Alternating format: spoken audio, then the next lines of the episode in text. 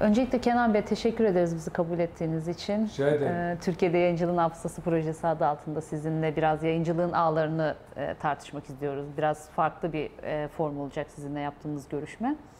Ee, ilk olarak nerede doğdunuz, nasıl bir ortamda büyüdünüz, Hmm. Ee, üniversite yıllarına kadar kısmı bir alabilir miyiz? Ben Kırklareli'nin e, Vize ilçesinin eski adıyla Tatarlı, şimdiki adıyla Okçular köyünde 1957'nin 1 Mayıs ayında doğmuşum. Anneme sorduğumda bir hıdrellezi 15 gün geçe doğdun diyor. Bir koyunlar sayaya giriyor diyordu. Saya bizde koyun ağalı. E, ama 20 Mayıs baktığımda takvimler 20 Mayıs'ta Kırklareli'nde doğmuşum. Sonra babam e, İstanbul'a göç etmiş 1958'de 57 doğumluyum. 58 yılında da İstanbul'un ilk gecekondu semtleri Zeytinburnu Taşlı Tarla'dır. Şimdi adı Gazi Paşa oldu. Taşlı Tarla'da gelmişler ve e, çocukluğum Taşlı Tarla'nın yani ilk gecekondu semti dediğimiz o Taşlı Tarla'nın çayırlarında, sokaklarında geçti. Tabii gecekondu aslında Türkiye'nin e, göç tarihi içinde önemli bir şeydir. Ama ben orada mesela kadınların inanılmaz bir dayanışmasını gördüm. Annem e, bir gecede ev yapan kadınlardandı. Böyle kadın imecesiyle. E, birket varsa, çamur varsa çamurla harcı karıp, hani çimento falan değil, bildiğin çamurla harcı karıp e, gece kondu yapılıp akşam da erkekler geldiğinde sabaha karşı çatının yapıldığı bir şeydi. O dönem zabıtaların yeşil giysileri vardı ve yeşiller geliyor dendiğinde bütün kadınlar böyle çarşaflarıyla şeyleriyle e, şalvarlarıyla bütün o çamurlu halleriyle barikat kurup yeşilleri sokmazlar ve evleri yıktırmazlardı. Öyle e, İstanbul'un ilk işçi semtinde büyüdüm ve e, ömrümde hani babam marangozdu. Kendisi e, marangozluk yapıyordu ama mahallemizdeki herkes Türkiye'nin o büyük işçi grevleri dediğimiz Gızlevet grevi, demir döküm grevi, Erkabalata grevi, o bütün o e, büyük grevlerin olduğu Bereç grevi, 15-16 Haziran olaylarının olduğu zamanlardaki o bütün o işçi abilerimiz o grevlerin içinden geçiyordu ve inanılmaz bir dayanışma vardı. O dayanışmanın içerisinde yani yayıncılıkla ne ilgisi var diyeceksin bir yere getireceğim onu da. Mesela bir komşu ablamız vardı. Bir ismini şimdi söylemeyeceğim. Ee, Bosnalı, e, Saraybosna'dan göç etmiş. Kocası olmayan dul bir ablamız. Onun mesela çocuklarına kadınlar büyük bir dayanışma içinde bakarlardı hastanede. O çalışıyor diye şeyde. Hatta e, hamile kadınların e, pazar alışverişinin çarşamba günü kurulurdu. Taşlı Tarla'nın pazarı. Kadınlar birbirine dayanışma şeklinde o hamile insanın e, yük taşımaması için onun eşyalarını da kendileri taşırlardı. E, o Sa- Saraybosnalı göçmen ablamız da Bereç Pil Fabrikası'nda çalışıyordu. Bereç grevi çok uzun sürmüştü. O Bereç grevi uzun sürdüğünde lockout ilan etmişti işveren.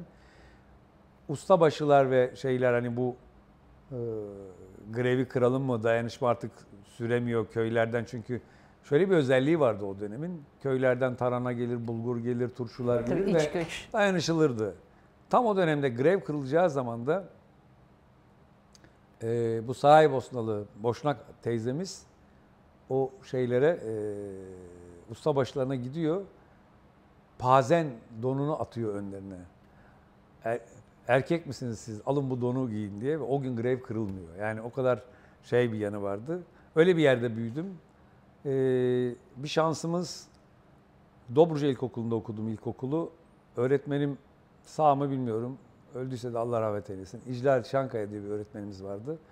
Onlar çok iyi öğretmenlerdi. Ee, belki de köy enstitülüydü benim öğretmenim de. Ortaokulda da öyle. Ortaokulda da Sağmacılar Lisesi'nde okudum. O Sağmacılar Lisesi'nde okuduğum dönemde de e, orası sürgün yeriydi. Ne kadar 70-71 yılının sürgünleri varsa ve çoğu da köy enstitülü öğretmenlerdi. Şimdi rahmetle anıyorum bazılarını. Emine Çayır edebiyat öğretmenimdi. Ee, onunla e, edebiyatı sevdik. Tahsin Çayır daha hala sağ, o da bizim öğretmenimizdi. Bugün e, bir dönem milletvekilliği yapmış Çağdaş Hukukçular Derneği Başkanı olan Şenal Sarıhan hocamızdı. Böyle iyi öğretmenlerin elinde büyüdük. Tabii o dönemin şöyle bir şeyi vardı. Belki de Türkiye'de hani lise bu kadar çok fazla yoktu ama bir fırsat eşitliği meselesi vardı. Hani bazen mesela tartışılıyor şimdi Cumhuriyet döneminin tartışmaları içerisinde. Siyah önlükler içerisinde okullara gidiyorduk. Beyaz yakalarımız, siyah önlüklerimiz. Diyorlar ki ya siyah önlüklerle olur mu? İşte o fakirliği de örten ve herkese eşitleyen bir şeydi. O dönemin içerisinde okuduk ve ben üniversiteye sınavlarına girerken 38 kişi mezun olduk. 38 kişiden bir kişisi üniversiteye gitmedi. O da kendi tercihiydi. Evlenen bir arkadaşımızdı. Ama üniversitede okurken e, gördüğümde yani fırsat eşitliği dediğimiz meselenin o olduğunu gördüm. Belki Cumhuriyet'in en önemli kazanımlarından bir tanesi oydu. Benim sınıf arkadaşlarım içerisinde soruyorum bir üniversiteye gittiğimde mesela soruyorum size de sorayım şimdi. Digor biliyor musunuz Digor nedir? Bilmiyorsunuz. Digor bugün Ardahan'ın bir ilçesi eskiden Kars'ın bir ilçesi. Benim sınıf arkadaşım vardı Digor'dan. Varto'dan, Hadim'den, İnegöl'den, e, Gemlik'ten ama aynı zamanda Kabataş Erkek'ten de mezun ya da Kayseri Talas Amerikan Koleji'nden mezun arkadaşlarımız da var. Yani böyle bir karmanın içinde okuduk. Onun için hani nerede doğdunuz, nereye geldiniz deyince sizi başka bir yere getirdim. Üniversiteye geldiğimizde de işte 70, ben 78 girişliyim üniversiteye ama onun öncesinde yayın sektörüne de Türkiye'nin en büyük dağıtım şirketi olan Bateş, o dönem dağıtım şirketlerine Bateş'in bir yan kuruluşu olan e, Halk El Sanatları Anonim Şirket diye bir firmada başladım. Ansiklopedi pazarlaması yapan, taksitli ansiklopedi satan, taksitli kitap satan bir şirkette orada başladım ilk. Üniversite öncesinde mi bunu Üniversite başlamıştınız öncesinde, değil mi? 77'de girdim. Yani üniversite öncesinde bir yayın şirketinde kitap işi, işine Babali'ye öyle geldim. O Bateş dediğimiz şey büyük bir şirketti. Bateş Valilik Teşkilatı. Zaten iki tane dağıtım şirketi vardı. Hem onun içinde çalıştım hem de taksitli kitap satan bir ansiklopedi şeyinde çalıştım. Mesela o dönemin dağıtım meselesini hatırlıyorum ben. Ee, tipografik yani ki- kitaplar bugünkü teknolojiyle şey değil 10 bin civarında basılıyordu ve hurufatla dizilip kalıpları da zor bir şeydi. 10 bin basılırdı ve Türkiye'de çok fazla kitapçı vardı biliyor musunuz 77 yılında. Mesela bizim kamyonla kitap dağıtırken e, Tuzla'ya kadar gittiğimizde bir kamyon bitiyordu. İkinci kamyon İzmit'te bitiyordu, üçüncü kamyon Bolu'da bitiyordu. Yani neredeyse köylerde kitapçı vardı geçmişte. O kitap dağıtım şirketi içerisinde hem e, hem yeni çıkan kitapları görüyordunuz. Bu kadar çok çeşit çıkmıyordu ama yayıncı sayısı azdı. Yayıncılık yapmak zor. İşte mesela şimdi bugün tirajlarımız bizim 500'e 1000'e düştü. Geçmişte 5000'le kimse uğraşmazdı. Ya kim uğraşacak onunla diyordu. Yani minimum 10 binlerle kitap baskıları sürüyordu. Çünkü onun baskı meselesi de zor işti. Ee, ben 77'de girdiğimde aynı zamanda o işle e, başladığıma rağmen yani üniversitede de devam ettim. Peki Kopmadım. o dönemde Anadolu yayıncılığını görme imkanınız oldu mu? İşte Ee, Bolu'ya kadar anlat söylüyorsunuz ama Anadolu'daki bu ağ nasıldı ortamlar? Şöyle gördüm. Yani Anadolu'daki kitapçıları gördüm ama yayıncılık meselesi mesela oraya çok fazla hatırlamıyorum oralarını ama benim mesela 77 yılında ansiklopedi teslimatına gittiğim Karadeniz bölgesinde köy köy şeyden başlayarak yani Samsun Bafra'dan başlayarak Artvin'e kadar köy köy neredeyse gezilmişliğim var ve köy öğretmenlerine e, ne bileyim Samsun'da mesela Mecidiye semti vardır ve tekel fabrikası işçileri vardı. Her işçi de çocukları okusun diye şey yapardı. Onlara çok ansiklopedi, taksitli ansiklopedi sattım. Hayat ansiklopedisi, renkli resimli bilgi ansiklopedisi gibi şeyler sattım ve e, aile ansiklopedisi gibi şeyler, yemek kitapları, Necip Usta'nın yemek kitaplarını sattım. Ama köy köy dolaştığımızda köy öğretmenlerinin e, ne kadar da geçtiğimi, o Karadeniz sahilini biliyorum ve çok kitapçı vardı mesela. O kitapçılara aynı zamanda kitap da satıyorduk, aynı zamanda taksitlik şey de oluyordu. Ama o çeşitlilik yani bugün yok ne yazık ki. Mesela ansiklopedi dediniz o dönemin önemli trendlerinden biri aslında Tabii. ansiklopedi. İşte o bilgiye erişme formunu da gösteren bir şey. Ee, daha sonra e, ansiklopedi o kadar çıkmadı yani işte belki de 80'lerin ortasından sonra e, ansiklopedi basımı ve ansiklopedi formu biraz daha düştü. O ansiklopediyi bilgiyle ilişkisini nasıl kuruyorsunuz? Şimdi peki şöyle, e, benim mesela 77'de girdiğimde e, bütün bu ansiklopedik çalışmaların içerisinde bizim pazarlamasını yaptığımız kitapların dışında bildiğiniz gibi bir e, Meydan Larus vardı, efsane. Bir de Britannica vardı. Fakat bunların dışında onlar daha pahalıydı ve e, daha zor satılabiliyordu. E, bu ansiklopedi meselesinin şöyle bir noktası oldu. Hemen hemen her aile çocuğu kendisi için çok önemli olduğu için bugün de öyle. Bugün de yaptığımız bu okuma kültürü araştırmalarında da o çıkıyor.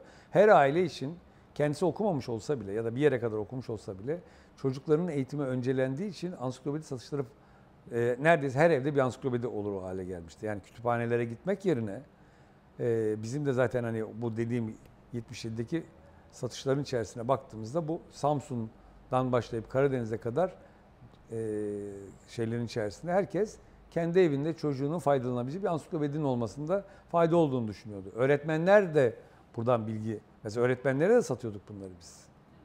Yani o ansiklopedi meselesinin içerisinde o kadar bir şeye geldi ki mesela e, devrimler ve karşı devrimler ansiklopedisinden tutun. Mesela iletişim yayınlarının temelinde bu ansiklopediler var. Şimdi onlar Türkiye Cumhuriyeti tarihinden başlayıp Tanzimat dönemi tarihi, Osmanlı tarihi. Mesela benim çok sattığım şeylerden eskiden e, soyadını, ismini yanlış hatırlıyorum. Yılmaz Öztuna'nın Osmanlı tarihi. Bütün bunlar bu dönemlerde her şeyde siyasi görüşe göre de ansiklopedi vardı. 80 sonrasında gazetelerin bu işe girmesiyle beraber ansiklopedi işi biraz tavsadı.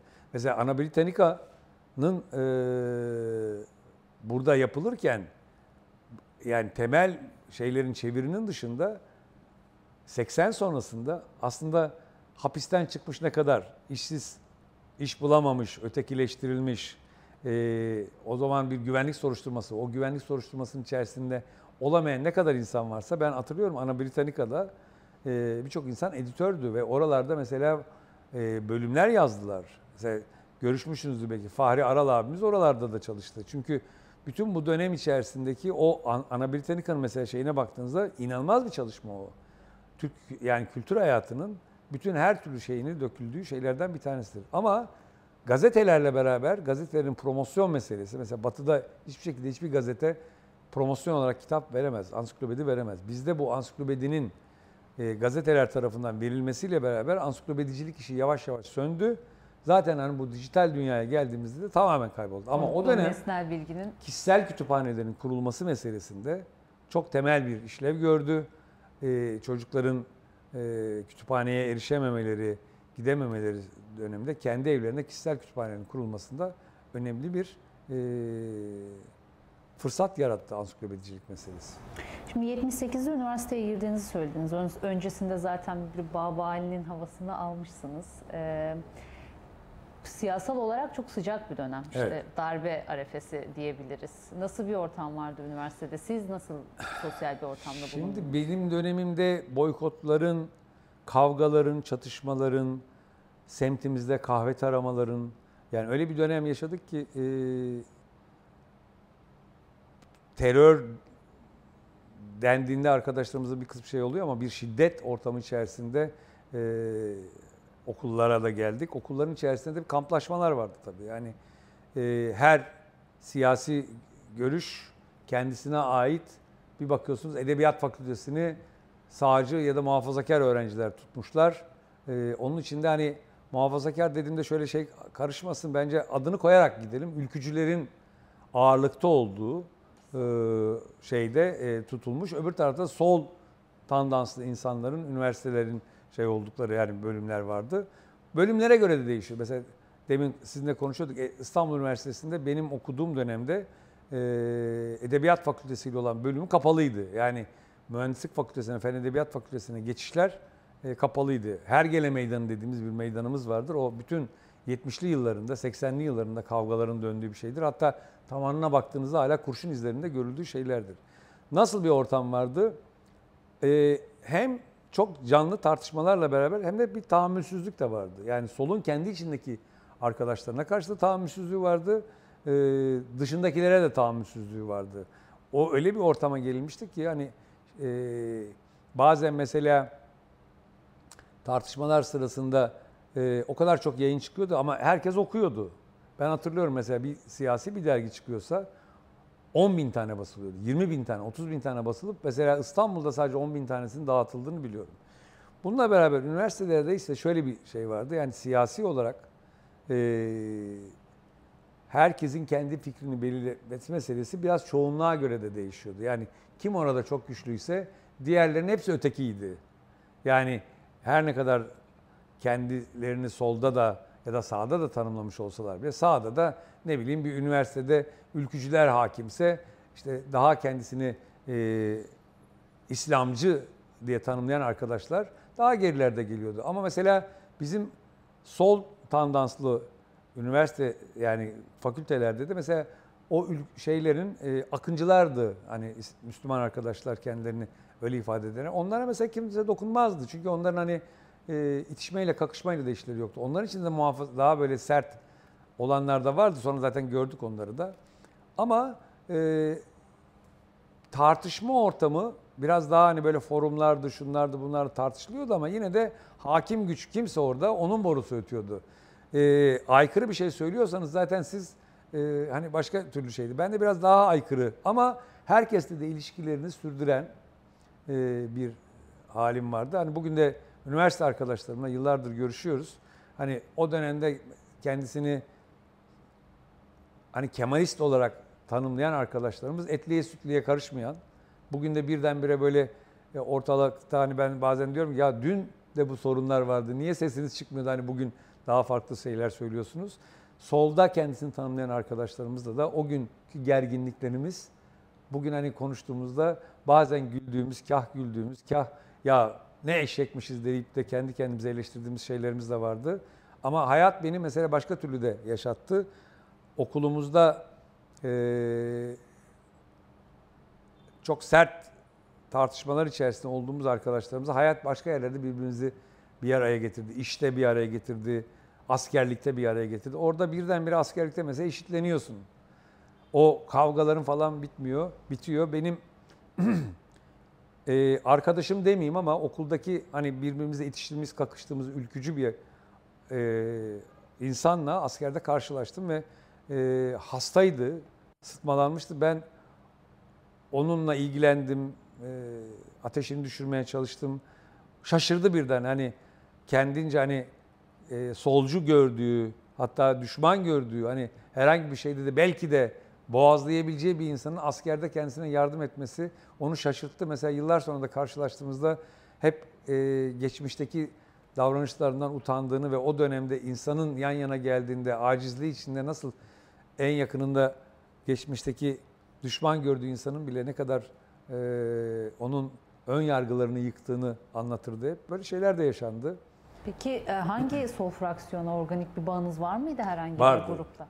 Ben e, solun içinde kendi yani 78 kuşağı içinde kendisini milli demokratik devrimciler olarak adlandıran hani ne Amerika ne Rusya bağımsız Türkiye deyip hatta tırnak içinde Mao'cu denilen gençlerdendi. Yani dev gencin içinden ayrılıp e, Yurtsever Devrimci Gençlik Derneği vardı. Onun içinden ayrılıp kendisini halkın yolu diye tanımlayan bir grubun içindeydim. E, onun içinde de halkın sülalesi dediklerinde işte kendi aralarında tartışılan şeyler de vardı. Ee, ama bunun içinde bile mesela o dönemde ne bileyim eleştirel yaklaştığımızda Sovyetler Birliği'ni eleştiriyorduk. Küfür edemezsin diyen solcu arkadaşlarımız da vardı.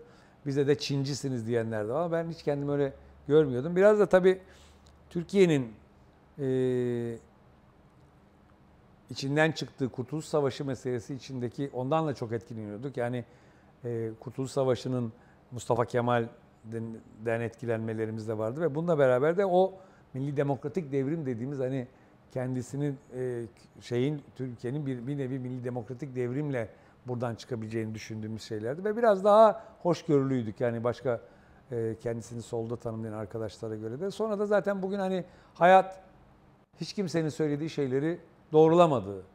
Yani siyasi anlamda gittiği yer anlamında ne hani bizim söylediğim benim söylediğim şeylerin bir kısmı hayat yani ben diyorum Sovyetler Birliği şöyle olacak böyle olacak oldu da dağıldı da. Ama Çin mesela bizim bildiğimiz gibi bir Çin olmadı. Bugün dünyaya hükmeden e, başka bir noktaya geldi. Şimdi Çinlilerle konuştuğumuzda kendilerinin sosyalist olduklarını söylüyorlar. Ben Çin'e de gittim. E, orada da gördüm. Buraya İstanbul Kitap Fuarı'na gelen Çinli arkadaşlarla da konuştuğumuzda onların hayata bakışıyla bizim onları tanımladığımız ve koyduğumuz yerler ne kadar doğru ama onların e, kendi işlerindeki şeylerine baktığımızda e, bizim kurguladıklarımızda onların geldikleri yer başka bir yer. Bizim kafamızdaki şeyler başka bir şeydi tabii. Evet, peki e, üniversite yıllarınızda yine İstanbul Üniversitesi çok merkezi bir konumda. Hem Babali'ye çok yakın hem işte diğer yayıncılara Cağaloğlu'na ve e, sahaflar kısmında daha yakın. Nasıl mahfillere gidiyordunuz? Oralarda nasıl ortamlar vardı? Şimdi bir kere 12 Eylül öncesi ve sonrası diye ikiye bölmek lazım. 12 Eylül öncesi ben hani biraz da yazan, çizen, okuyan tayfadandım ve biraz hani e, hiç unutmuyorum bir öğrenci kredisi vardı. Tam rakamını da hatırlıyorum. 4365 lira. O 3 ayda bir verilirdi. Biz o 4365 lirayı aldığımızda e, sahaflar hemen dibimizdeydi. Sahaflara gidip o parayı orada gömerdik yani. Bütün kitaplarımızı alır üzerine hangi tarihte aldığımızı e, yazıp imzamızı da koyup kişisel kütüphanemize koyardık. 12 Eylül öncesi de böyle vardı ve e, bulunduğumuz yerlerde Süleymaniye civarında ya da Laleli'de Köşem Kahvesi gibi ya da Huzur Kahvesi gibi kahvelere giderdik. E, 12 Eylül'den sonra da bu kahvelere devam edildi. Süleymaniye civarında da gezildi ve e, sahafların girişinde Çınaraltı vardır. Orası mesela 80 sonrası daha çok takıldığımız yerlerdi ve şeyin içinde de hani biraz da e, örgütlerin, siyasi örgütlerin, siyasi baskıları tam adını da böyle söyleyeyim. Siyasi baskılar ortadan kalkınca herkesin kendini bulma dönemi yaşadıkları bir şey var. Yani bunun ben muhafazakar kesimde nasıl olduğunu bilmem ama solda insanların birçok arkadaşımız hapse düştü, ağır işkenceler gördüler.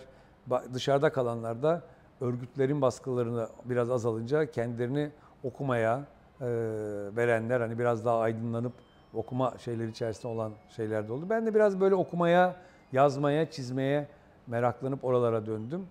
Ee, bir yazma serüvenim, bir okuma serüvenimle beraber yan yana gitti.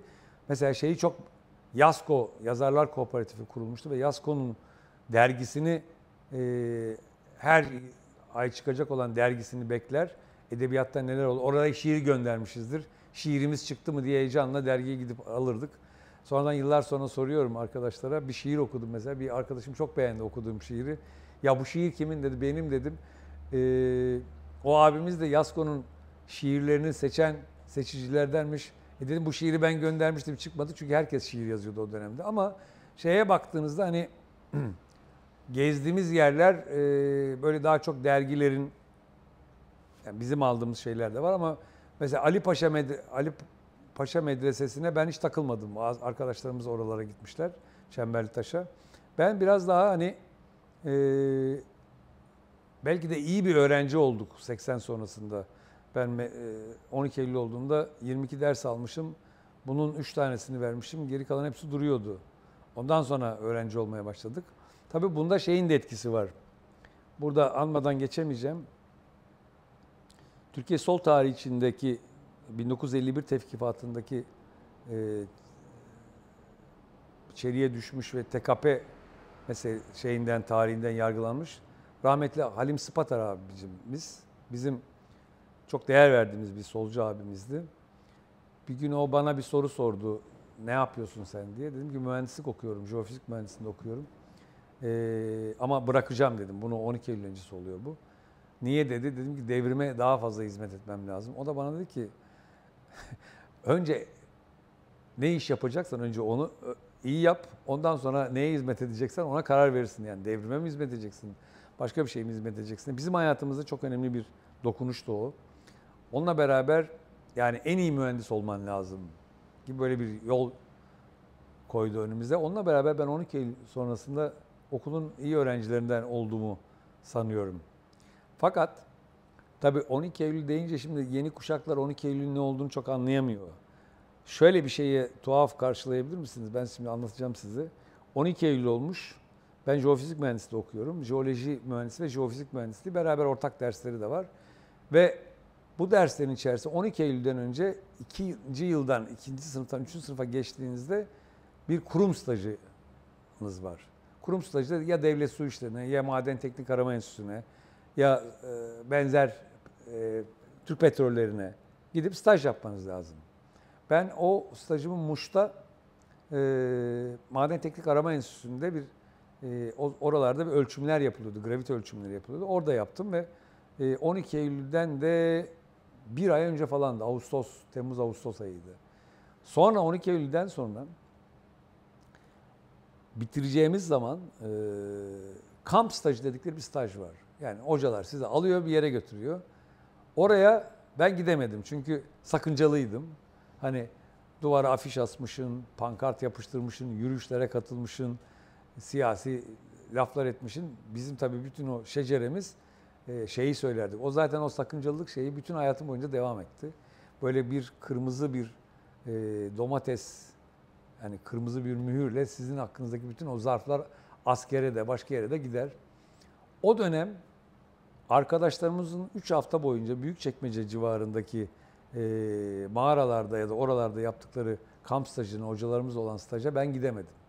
Sadece 3 arkadaşımız ya da 4 arkadaşımız bugün e, Eczacılık Fakültesi'nin yan tarafındadır. Jeofizik Mühendisliği eskiden orada küçük bir binadaydı. Şimdi orası galiba e, bir enstitüye tahsis edilmiş. Onun bahçesinde iki günde herkesin 3 haftada yaptığı şey stajını biz iki günde yaptık. Bunun nedeni de hani uyduyla 1980'de Amerikalıların 981 bin kilometre yukarıdan uyduyla Türkiye'nin haritalarını çektikleri dönemde 1 bölü 25 bin haritaların e, sakıncalarının eline geçmesin diye bir gerekçeden dolayı da bize e, o kamp stajına götürmediler.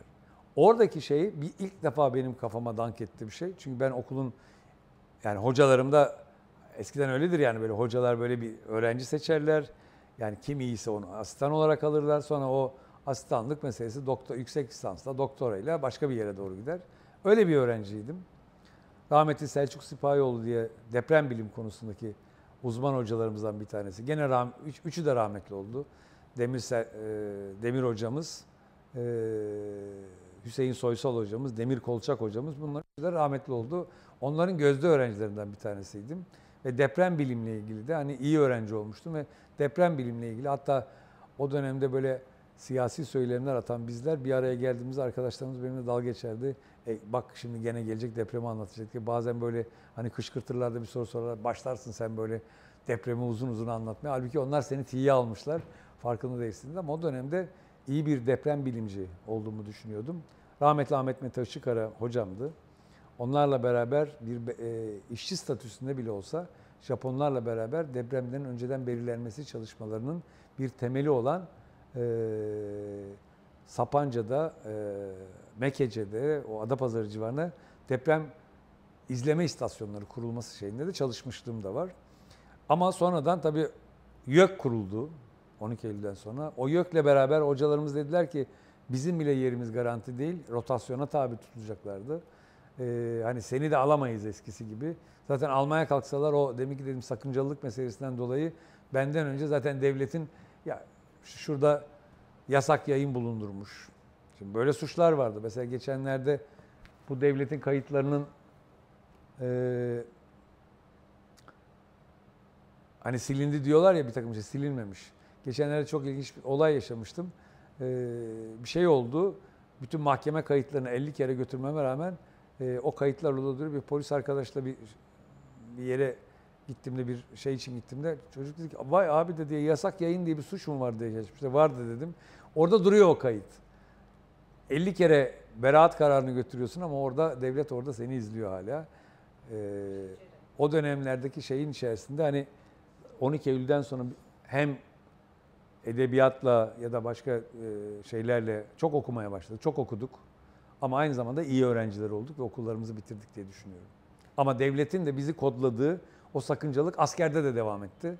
Askerde de bir sakınca, benden önce gitti şeylerim, e, zarflarım. Çünkü ben gittiğimde üstlerimin, subayların, astsubayların bana karşı tavırlarını orada da görüyordum. E, ama o dönem bizim e, bunlar bizim için yabancı şeyler de değildi. Çok da dert de edilmemiştik yani.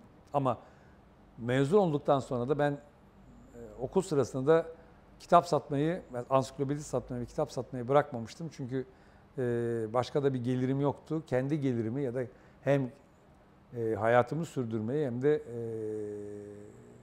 bir biçimde okuldaki şeyimi devam ettirmeyi ve kendi kişisel kütüphanem içinde gerekli olan paraları da kitap satarak kazandım hep. Şimdi Kenan Bey e, az evvel sahaflara gittiğinizden bahsettiniz. İşte oradaki ortamdan, arkadaşlarınızla orada da genelde buluştuğunuzdan ve Babali'ye zaten yakın. Bir de 80 sonrasında e, işte daha İslami sağ yayıncılık, İslami diyelim, İslami yayıncılık mesela işte Beyaz Saray var bilirsiniz Aksaray'da.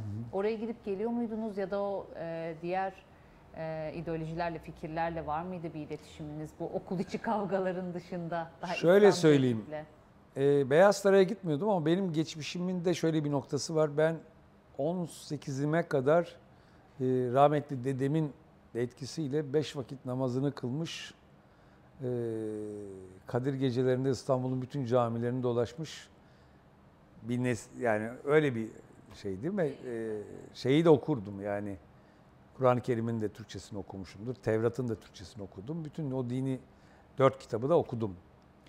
Ee, demin sohbetin arasında konuştuğumuz akıncılar olarak kendini adlandıran arkadaşlarla konuşuyordum ben, tartışırdım da. Çünkü onların da hani bunların içerisinde de akıncıların da ee, bir buluştuğumuz nokta bir anti-emperyalist noktada buluşuyorduk. Fakat onların içinde de mesela kanlı pazar olarak bilinen 1968 o e, saldırıların içerisinde mesela o zaman fark ettim mesela Nurettin Topçu hareketi e, Nurettin Topçu'nun etrafında toplananların bu soldaki insanlara bakışlarıyla başka e, İslamcı muhafazakar insanların soldaki insanlara bakışları farklıydı. Yani bir komünist, ateist, dinsiz, imansız, kafir denen, diyenler var. Bir de hani daha çok e, nereden baktığını hani e, yani hangisini öne çıkartan anti-emperyalist yanı mesela 68 hareketi sırasında e, 6. filonun taşlanmasını, 6. filoyu taşlayan gençlerin arkasından e, sopalarla, e, taşlarla onları kovalayan bir İslamcı kesim var. Bir de hayır, öyle değil, bunlar da yurtsever ar- insanlardır diyen başka bir İslamcı kesim var. Bunların ikisinin ayırdığında olduk o zamanlarda şeydi. Ama benim hani e, Müslüman arkadaşlarla yani kendisini İslamcı olarak tanıyan, Müslüman olarak tanımlayan arkadaşlar, insanlarla e, görüşmelerim, tartışmalarım hep sürmüştür e, şeyde. E, esas çatışma daha çok ülkücülerle şey oluyordu. Orada da mesela benim yani yakın çevremde de akrabalarım içinde de ülkücü olanlar da vardı.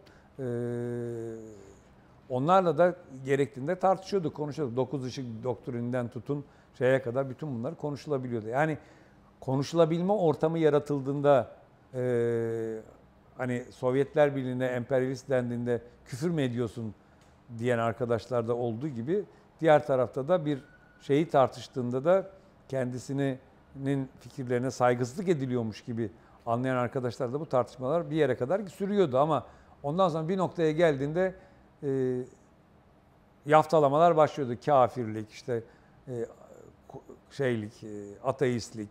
Bütün bunlar böyle tartışmayı ortadan kaldıran şeylerden bir tanesi. Ama ben mesela o anlamda İslam Beyaz Saray'a çok takılmadım, bilmem de.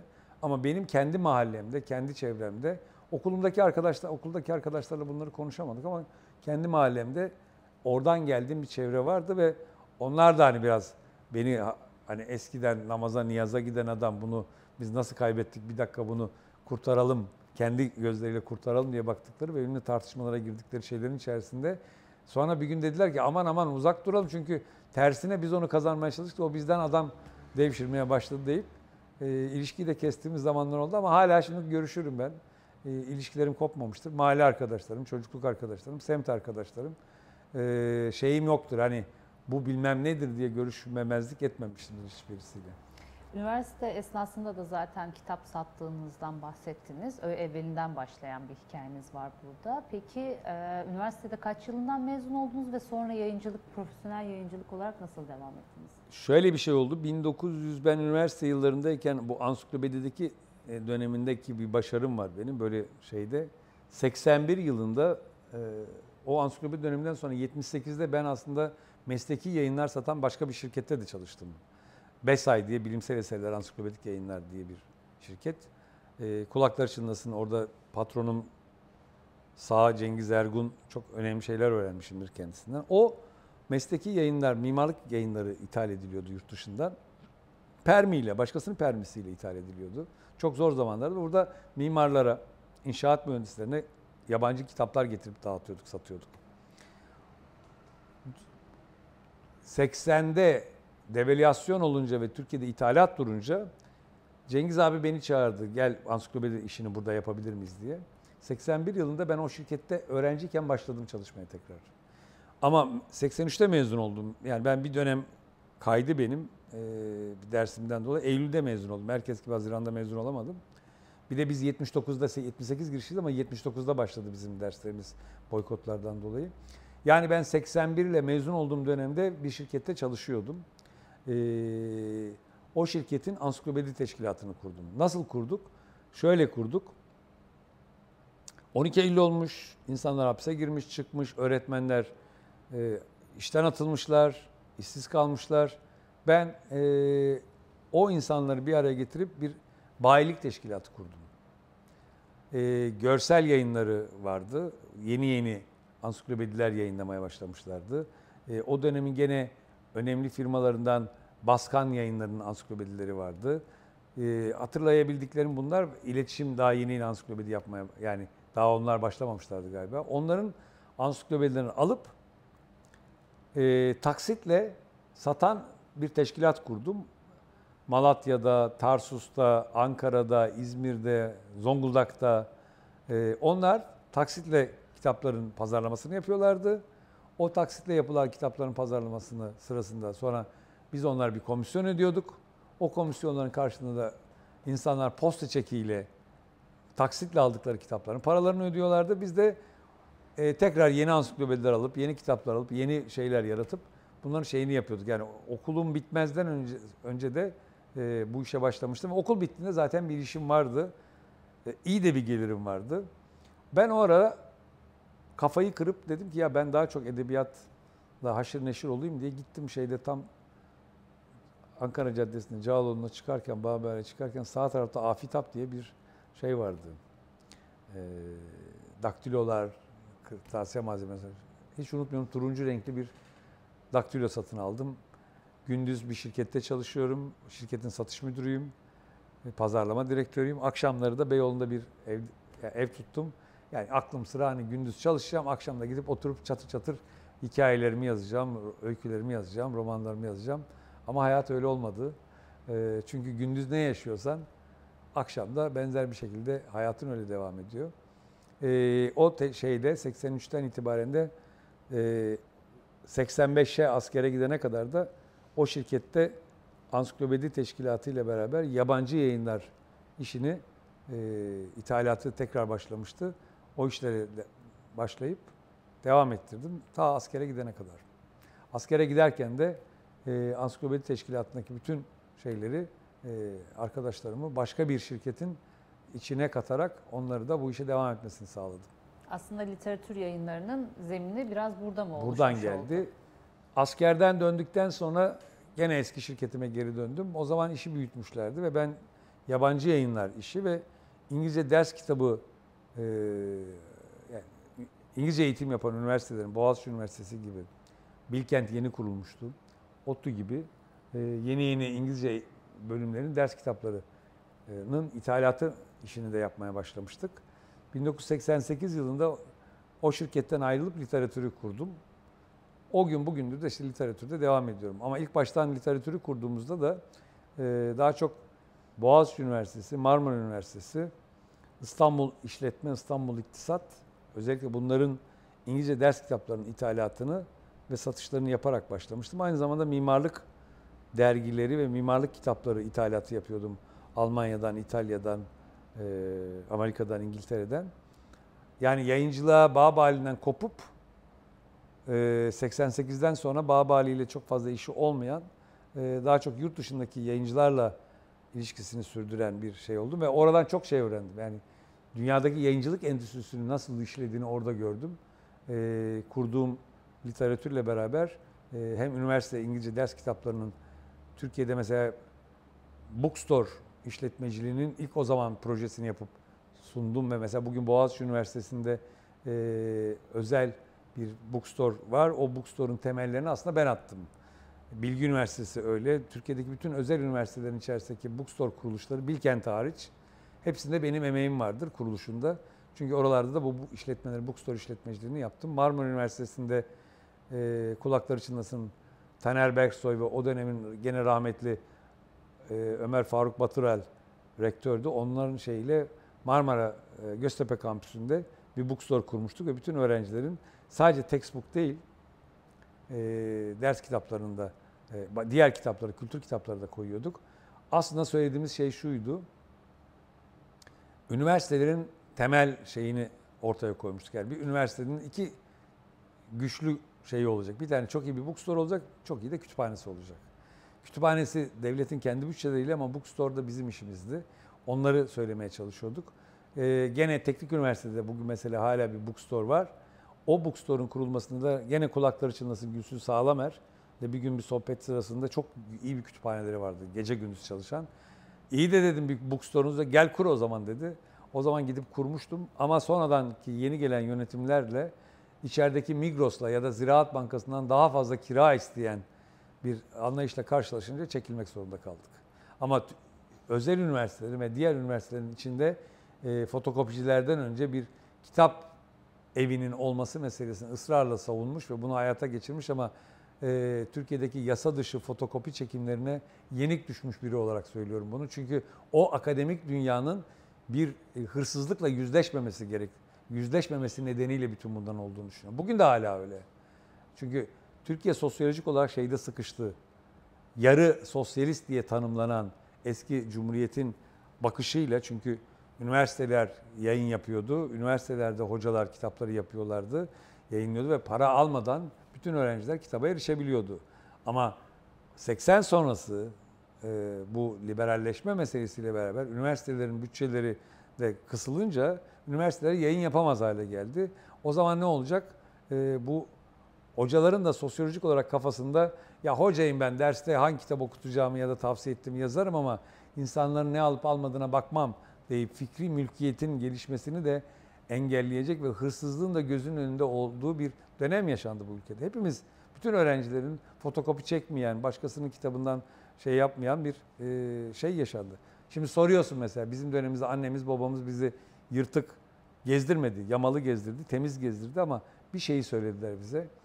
Kimsenin malına el uzatmayacaksın. Yani harama el uzatmayacaksın. Ben şimdi çok şaşırtıcı bir şey. Alnı secdeden kalkmayan Konya esnafı var orada. Rampalı çarşı var.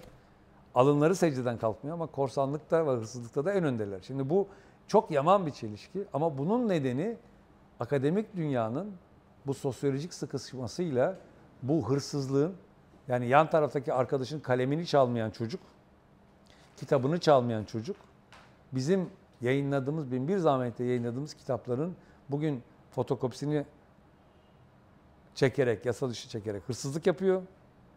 Hocasının gözünün önünde oluyor bunlar. Hatta ben şunu biliyorum. Kendi öğrencisine kendi kitabını söylediğinde hocamız bizim sırtımızdan para kazanıyor gibi tuhaf eleştiriyi ya karşı cevabı olamayan insanlar tanıyorum ben. E şimdi böyle olursa Türkiye'deki akademik yayıncılığın da seviyeleri işte biraz konuşuruz daha sonra diplere gelmiş. Onun için de buralardaki akademik dünyanın hani benim bookstore işletmeciliği dediğim şey hem üniversitede kütüphaneyle beraber çünkü üniversitelerde şöyle bir şeydir. Mesela akademik dünya bunu savunmadı. Neyi savunmadı? Yoksulluk ve kitaba erişememek, bir kişisel kütüphane kuramamak bir başka bir problemdir. Bunun çözümü geçmişte de öyledir. Batı'da şöyledir. Üniversitede kaç öğrenci okuyor o dersi? 100 öğrenci mi okuyor? %10 ile %20 oranında o kitaptan alınır, kütüphaneye konulur. Rezerv kopyadır o. Kimse gelip onu dışarıya çıkaramaz. Gider çocuk orada kitabın dersini çalışır. Bizde bunu akademik dünya savunmadı. Bu ne oldu sonradan? Bugün de geldiği yer itibariyle iyi kütüphaneler yok. Her taraf fotokopici. Ben size daha acı bir şey söyleyeyim. Teknik Üniversitede kovulma nedenlerimden bir tanesi, öyle diyorum. Oradaki fotokopici arkadaşın fakültenin bütün hocalarına 500 adet fotokopi çekme hakkı varmış.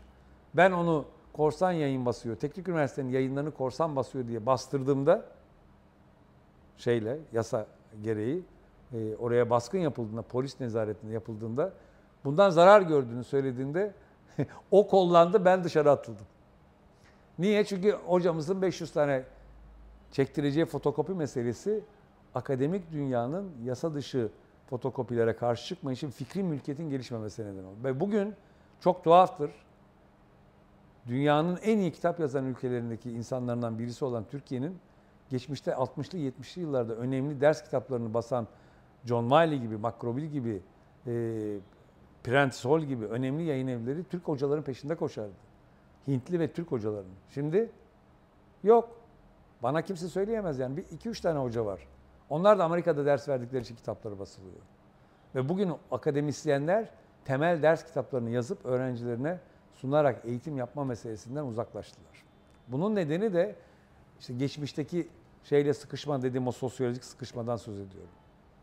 Peki bu üniversitelerde kurduğunuz bookstore üniversite yayıncılığını geliştirmiş midir? Yani üniversitenin kendi yayın evini Bence geliştirmedi.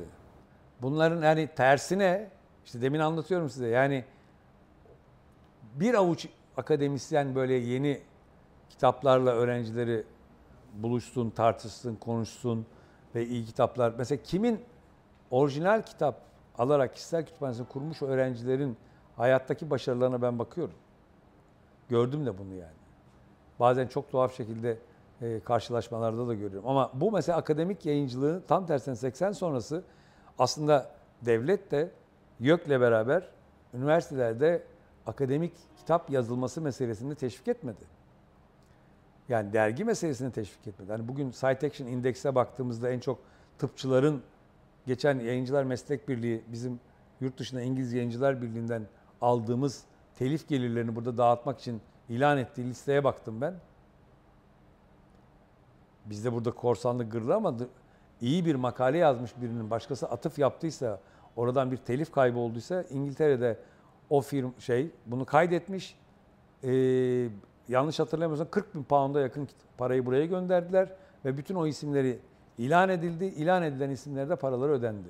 Şimdi Türkiye'de e, yani şeyi görüyoruz biz. Makale yazımlarında da sahteciliği görüyoruz, şeyleri görüyoruz. Onun için akademik yayıncılık gelişmedi. Ne gelişti? Bir iki tane örnek söyleyebilirim. İşte kişisel şeylerle kulakları çınlasın Fahri Aral abimiz İstanbul Bilgi Üniversitesi'nin yayın yönetmeni oldu ve akademik yayıncılık, üniversite yayıncılığı, üniversitenin içinde bir nasıl yayıncılık yapıldığının örneğini gösterdi. Sonra arkadan bir iki tane üniversite şimdi geldi ama üniversitelerdeki akademik yayıncılığı ve yayıncılığı geliştirmedi bu. Niye geliştirmiyor? Bu fikri mülkiyet hukuk meselesi e, eğer Türkiye'de çözülemezse Türkiye'deki yayıncılık sektörünün büyüklüğü içinde akademik yayıncılık yüzde bir, yüzde iki. Türkiye'de 200 bin üzerinde üniversite var. 5,5 milyon yakın üniversite öğrencisi var. Yıllık akademik yayıncılık üretimi Türkiye'de 4 milyon. Yani öğrenci başına bir kitap bile bir düşmüyor. Şimdi bu vahim bir durum yani. Dijital diyor ki e, artık dijitale geçtik. E, dijitalde de görüyoruz. Dijitalde de portallarımız var. Kim kaç tane okuyor, nasıl okuyor onları da görüyoruz. Orada olmadı bu. Yani bunun temeli şurada yatıyor. Yani bir akademik dünya yani üniversiteler diyecekler kardeşim bu korsanlık meselesi bizim başımıza bela. Bu meseleyle ilgili açık kaynakları savunmak bir yana açık kaynakları kim savunduysa bilim gelişmedi orada. Bütün dünyanın tartıştığı meseledir bu. Onun için Türkiye'deki fikri mülkiyet meselesine akademik dünya sahip çıkmazsa Türkiye'nin de rekabetçi bir nesil yetiştirme meselesi hayal olur. Bak çok iddialı bir laf söylüyorum. Hayal olur çünkü o şey çalmayla, çırpmayla ondan çalayım, bundan çalayım dediğinizde siz de gelirsiniz. Ee, rahmetli Erbakan Hoca montaj sanayi diyor ya, montaj sanayini bile yapacak adam bulamazsınız. Çünkü bugünün meselesi yaratıcılık, okuma kültüründen geçiyor. İyi bir okuma kültüründen gelmemiş çocuklar bugün sınavlara girdikten önlerine gelen koca koca paragrafları da sorularla şaşırıyorlar ve çözemiyorlar. Çok haklılar. Çünkü okuma kültürü meselesi bir kenara atıldı. Ama üniversitelere geldiğinde de zaten insanların kendisini bulduğu yer üniversitedir. Ben 78'de hala bütün koşullara rağmen aynı hocalarımla, aynı arkadaşlarımla, bütün çatışmalara rağmen orada okumak isterdim çünkü bir özgürlük vardı. Herkesin fikrini söyleyebildiği, tartışabildiği, hocalarımızın kafaların açık olduğu. Ben bir tek Türk İnkılap Tarihi dersinden kovuldum. Onun dışında hiçbir dersten kovulmadım. Ne sorduysak sorularımızın cevaplarını aldık. Kitap tavsiyelerini aldık, okumalar, okumalar yapıldık. Onun için yani bu meselenin, bookstore meselesinin, üniversite yayıncılığı meselesinin e, daha da ötesinde Türkiye'nin bir karar vermesi lazım. Akademik dünyanın karar vermesi lazım. Başta rektörlerimize, başta dekanlara, başta profesörlerimize düşen görevlerden bir tanesi bu. En aşağıdan en yukarıya kadar buna karar vermesi lazım. Peki burada devletin müdahalesi ne Devletin durumda? müdahalesi olabilir, şöyle olabilir. Bizim bütün mücadelemiz sonucunda korsan yancılık kamu suçu haline getirildi 2004'te. O dönemin kültür bakanları, minnettarız onlara da, bu haykırışlarımızın sonunda bu bir kamu suçu haline gelmezse, şimdi hatırlayın, bütün o kitapların, korsan yayınların hepsi caddelerde, sokaklarda, köprü üstlerinde, vapur tezgahlarında, her yerde vardı. Kamu suçu haline getirildiğinde, ısrarlarımız sonucunda, sonra da bunu 4 yıldır şeye anlattık. Kolluk kuvvetlerine bak bu sizin suçunuz, burada kamu suçu işleniyor dediğimizde yayıncılık sektörü büyümeye başladı. Bakın bugün 67 bin yeni başlık üretir hale geldi ülke. Onun için o, o korsanlık meselesini devlet orada çözdü bunu. Bugün de gelecek şey şudur. Fotokopi meselesi, yasa dışı fotokopi ve yasa dışı PDF paylaşımları yeni bir taslak yasa ile yıllarca konuşuldu bu. Var orada hazır bir taslak yasa. Bir taslak yasa çıkarıp bunun bir suç haline getirecek ve bu suçun ciddi cezaları olacak. O zaman kimse buraya elini uzatamayacak. Herkes de az veya çok e, bu şeylerin haklarını verecek. Orada fikri mülkiyet hukuku gelişecek. Türkiye'de iyi kitaplar üretecek, akademik kitaplar üretecek ve bunları dijitalleştirecek. Hatta bunların teliflerini satacak ve buradan bunu yazanlar ciddi telif gelirleri aldıkları için de kitap yazmaya özendirilir hale gelecekler ve öğrenciler de bunları kullanır hale gelecekler. Bu rekabet zinde tutacak toplumu ve yeni bilgilere çok çabuk ulaşacaksınız. O ulaştığınız bilgilerle de donanacaksınız ve rekabetçi bir nesil yetiştireceksiniz. Bu kadar açık. Evet, şimdi literatür yayınlarının aslında açtığı tartışmalar biraz da bu ve işte Türkiye'ye getirdiği textbook, book, bookstore e, meselesi üzerinden bir de e, bu yayıncılığın endüstrileşmesi meselesi var. Yani yine aynı aslında e, damar üzerinden e, devam ediyoruz. Özellikle 80'lerden sonra ya da 90'lar da olabilir bu. E, bu biraz daha m, sivil ya da mekansal yayıncılığın Anadolu'ya da yayılmış yayıncılıktan biraz daha yayıncılık endüstriyel bir kısmı daha profesyonel de bir e, evreye geçti. O dönemi nasıl görüyorsunuz? Siz nasıl yorumlarsınız? Ben şöyle görüyorum. Belki benim yabancı yayıncılarla dünyanın önde gelen bütün büyük yayıncılarıyla birlikte çalıştım. O benim ufkumu çok farklı yerlere götürdü. Ufkumu açtı. Hatta belki de hatalı bir karar verdi mi vermedi mi bilmiyorum. 90 yılında 90 ya da 91 yılında dünyanın önde gelen büyük yayıncılarından bir tanesi başarılı ülkelerde başarılı kitap satışları olan insanları da onların satış konferansları dedikleri satıcıları bir araya toplarlar ve bütün kitapları tanıtırlar. O kitapları tanıtırlarken o kitabın rakibi kimdir, o rakiplerinden üstünlüğü nedir o kitabın bütün bunları anlatırlar kendi satış ekiplerine. Oldukları bir toplantıya davet edildim. Çok şaşırdım. Çok önemli bir akademik yayıncılık ve her yeni çıkan kitabı e, şeyler tanıtıyor. Yazarı orada, editörler orada. Bakıyorsun, baktığımda mesela bir kitabın dört editörü vardı. İsmini de söyleyeyim. Çok garip ya. Bir Türk yazarın, Yunus Çengel diye bir yazarın, Michael Bowles diye bir Amerikalı ile beraber yazdığı bir termodinamik kitabın tanıtımına şahit oldum.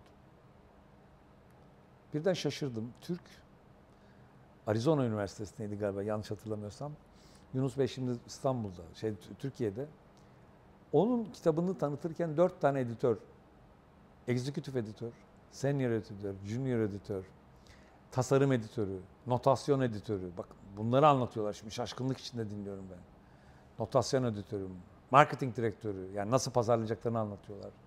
Ee, tas, şeyin cover yani kitabın kapağını tasarlayan nasıl tasarlamış kapağı bütün bunları anlattılar ve kitabın diğer termodinamik kitaplarından farkı nedir onu anlattılar. O gün yanlış hatırlamıyorum termodinamiğin ikinci yasasını Yunus Bey çok farklı şekilde anlatmış öğrencilere. Hatta karikatürlerle anlatmış. Çok beğenilmiş. Kitap patladı. Bugün Türkçesi ben sonra o kitabın Türkçe basımını e, kulakları çınlasın Profesör Taner Derbent ile beraber yaptık.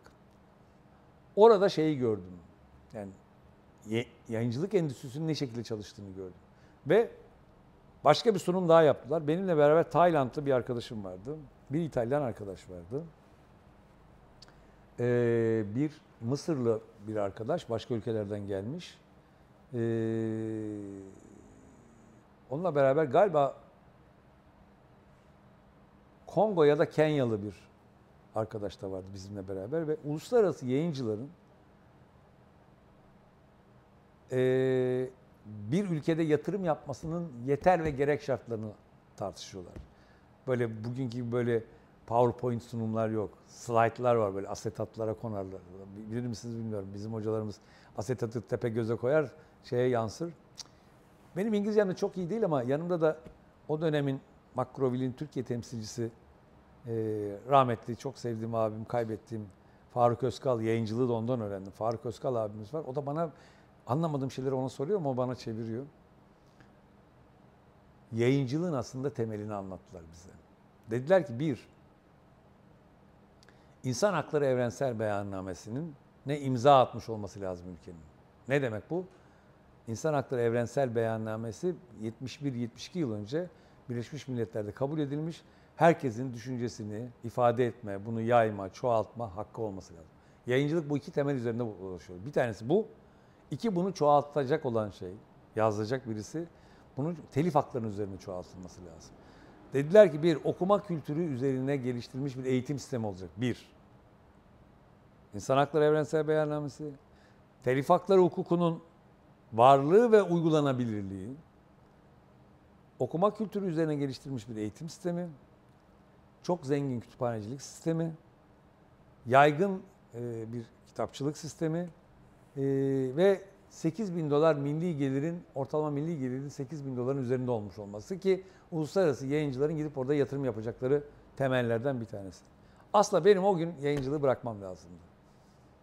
Çünkü o dönemde, benim bunu gittiğim dönemde Türkiye'deki bir kere okuma kültürü üzerine kurulmuş bir eğitim sistemi yoktu. Korsanlık diz boyuydu. Hala da böyle sahtecilik, bizde her şeyin sahteciliği var. İki, Türkiye'nin de milli geliri o zamanlar 2, 2, 2, 2300 dolardı. Ee, kütüphanecilik meselesi hala dertli konu. Ee, korsanlık meselesi hala dertli konu. Yani yıl 91, yıl 2020, 39 yıl önceden söz ediyoruz. Yok, 29 yıl önceden söz ediyoruz. Bugün ne değişmiş? Milli gelir 10 bin dolarlara gelmiş. Fikri mülkiyet hukuku eh şöyle böyle toparlanmış. Ee, okuma kültürü üzerine eğitim sistemi meselesi daha yeni yeni tartışılır hale gelmeye başlamış. Ee, korsanlık, diz boyu, kütüphaneler zayıf. E, bir şey değişmemiş yani. O zaman anladım ki bu yayıncılık endüstrisinin kurum ve kuruluşları bizim döndüğümde mesela beni şeye davet ettiler bir gün. Hani böyle sağda solda konuşuyoruz. Yayıncılar Birliği'ne yayıncılık yapmaya başladığımda 96'da üye oldum. 96'da Yayıncılar Birliği'ne üye olduğumda 99 ya da ya Uluslararası Dünya ile Yayıncılar Birliği'nin e, bu bir dönem e, TÜYAP'la yapılan kitap fuarları tepe başından o şeye gittiğinde bir buralarda Yayıncılar Birliği ile TÜYAP arasında bir kavgalar olmuştu ve Yayıncılar Birliği e, CNR fuarcılıkta fuar yapmaya başladı. O zaman ben de yardım ettim. Yani uluslararası yayıncılardan kimler Türkiye'ye gelir, kimleri getirebiliriz diye. Orada tanıştım Yayıncılar Birliği'nin yönetimiyle, o günkü yönetimiyle. Sonradan 91, 2001-2003 yıllarında Yayıncılar Birliği'nin Kültür Yayıncılığı Komisyonu diye bir komisyonda görev aldım. Yani başkan o zamanki rahmetli başkanımız Çetin Tüzüner Yayıncılar Birliği'nin bu komisyonda çalışır mısınız diye bana davet verdiler kongrede. Öyle başladım ve o dönemde başlarken de benim bu o, üniversiteyi bitirdikten sonra da literatürü de kurduktan sonra İstanbul Üniversitesi İşletme Fakültesi'nin İngilizce ders kitaplarını da ben onların servisini sağlıyordum. O dönemde İşletme İktisadı Enstitüsü'ne gittim orada bir yıl gece. Yani çoluk çocuk evde var ama ben gece şeye gidiyorum. Öğrenci olarak. Öğrenci olarak. Tabii o, onun getirdiği şey, uluslararası yayın dünyasındaki mekanizmaları, dağıtım sistemlerini, endüstriyi. Çünkü uluslararası yayıncılar, yayıncılık dünyası büyük bir dünya ve çok büyük şirketlerdi benim bildiğim şirketler.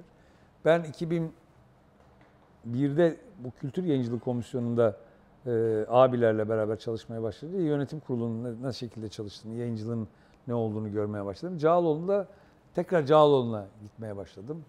2002 yılında Beyoğlu'nda İstiklal Caddesi'nde çok büyük bir kitap evi açtım ben. E, ikinci kattaki olan kitap evini birinci kata indirmiştim. 2002'den 2004'e kadar. Siz İstanbul'daysanız böyle koskocaman kırmızı duvarlarıyla beraber 800 metrekarelik bir kitap eviydi. O kitap eviyle beraber Cağaloğlu ile tekrar çalışmaya başladık. Ama Türkiye yayıncılığının Anadolu yayıncılığı değil de esnaflıkla endüstri arasında bir e, tercih yapacağı bir dönemdeydi. Hani bu esnaflığı kötü anlamda söylemiyorum. Esnaflık zanaatla yürüyen bir yapıydı ve aslında yayıncılık aslında hala bugün de mesela işini aşkla, şevkle, e, böyle büyük ihtimamla yapan yayıncı arkadaşlarımıza baktığımızda yani e, en eski yayıncımızın işte 80-90 yıldan söz ediyoruz. İki tane en eski yayıncı görünüyor. Red House daha eski. E, ama ondan sonra saydığımızda Remzi Kitabevi ile İnkılap Kitabevi'ni sayıyorsunuz. Altın Kitaplar daha yeni 60. yıllarını kutluyor. Bütün bunlara baktığımızda 80 sonrasında çıkmış olan yayıncılar görüyoruz. 12 Eylül'den sonra tabii. O yayıncılığın yani öncesi de var ama bütün bunların içerisinde baktığımızda o işlerini düzgün yapan insanlarla beraber e, hele hele 80 sonrasında suç aletlerinin arasında silahla kitabı yan yana konulduğu bir dönem içerisinde e, tabii başka bir şey yaşanıyordu ama ben de yayıncılığa hani batıda gördüğüm bu yapısal sorunlarını çözmüş. Bir kere 300 yıl bizden ilerideler. Yapısal sorunlarını çözmüş, organizasyonunu tamamlamış, yayıncının kim olduğu, kitapçının kim olduğu, dağıtım şirketinin kim olduğu ve ne yaptığını, görevleri nasıl paylaştıklarını, devletin oralarda ne yaptığını, bu endüstriyi nasıl kabul ettiğini, bu fikri mülkiyet hukukunu nasıl geliştirdiğini, hangi kanunlarla geliştirdiğini ve bu büyük endüstrinin nasıl korunduğunu gördüm. Mesela kıta Avrupa'sında onların sabit fiyat yasası dedikleri e, kültürü, yazılı kültürü koruma kanunları var.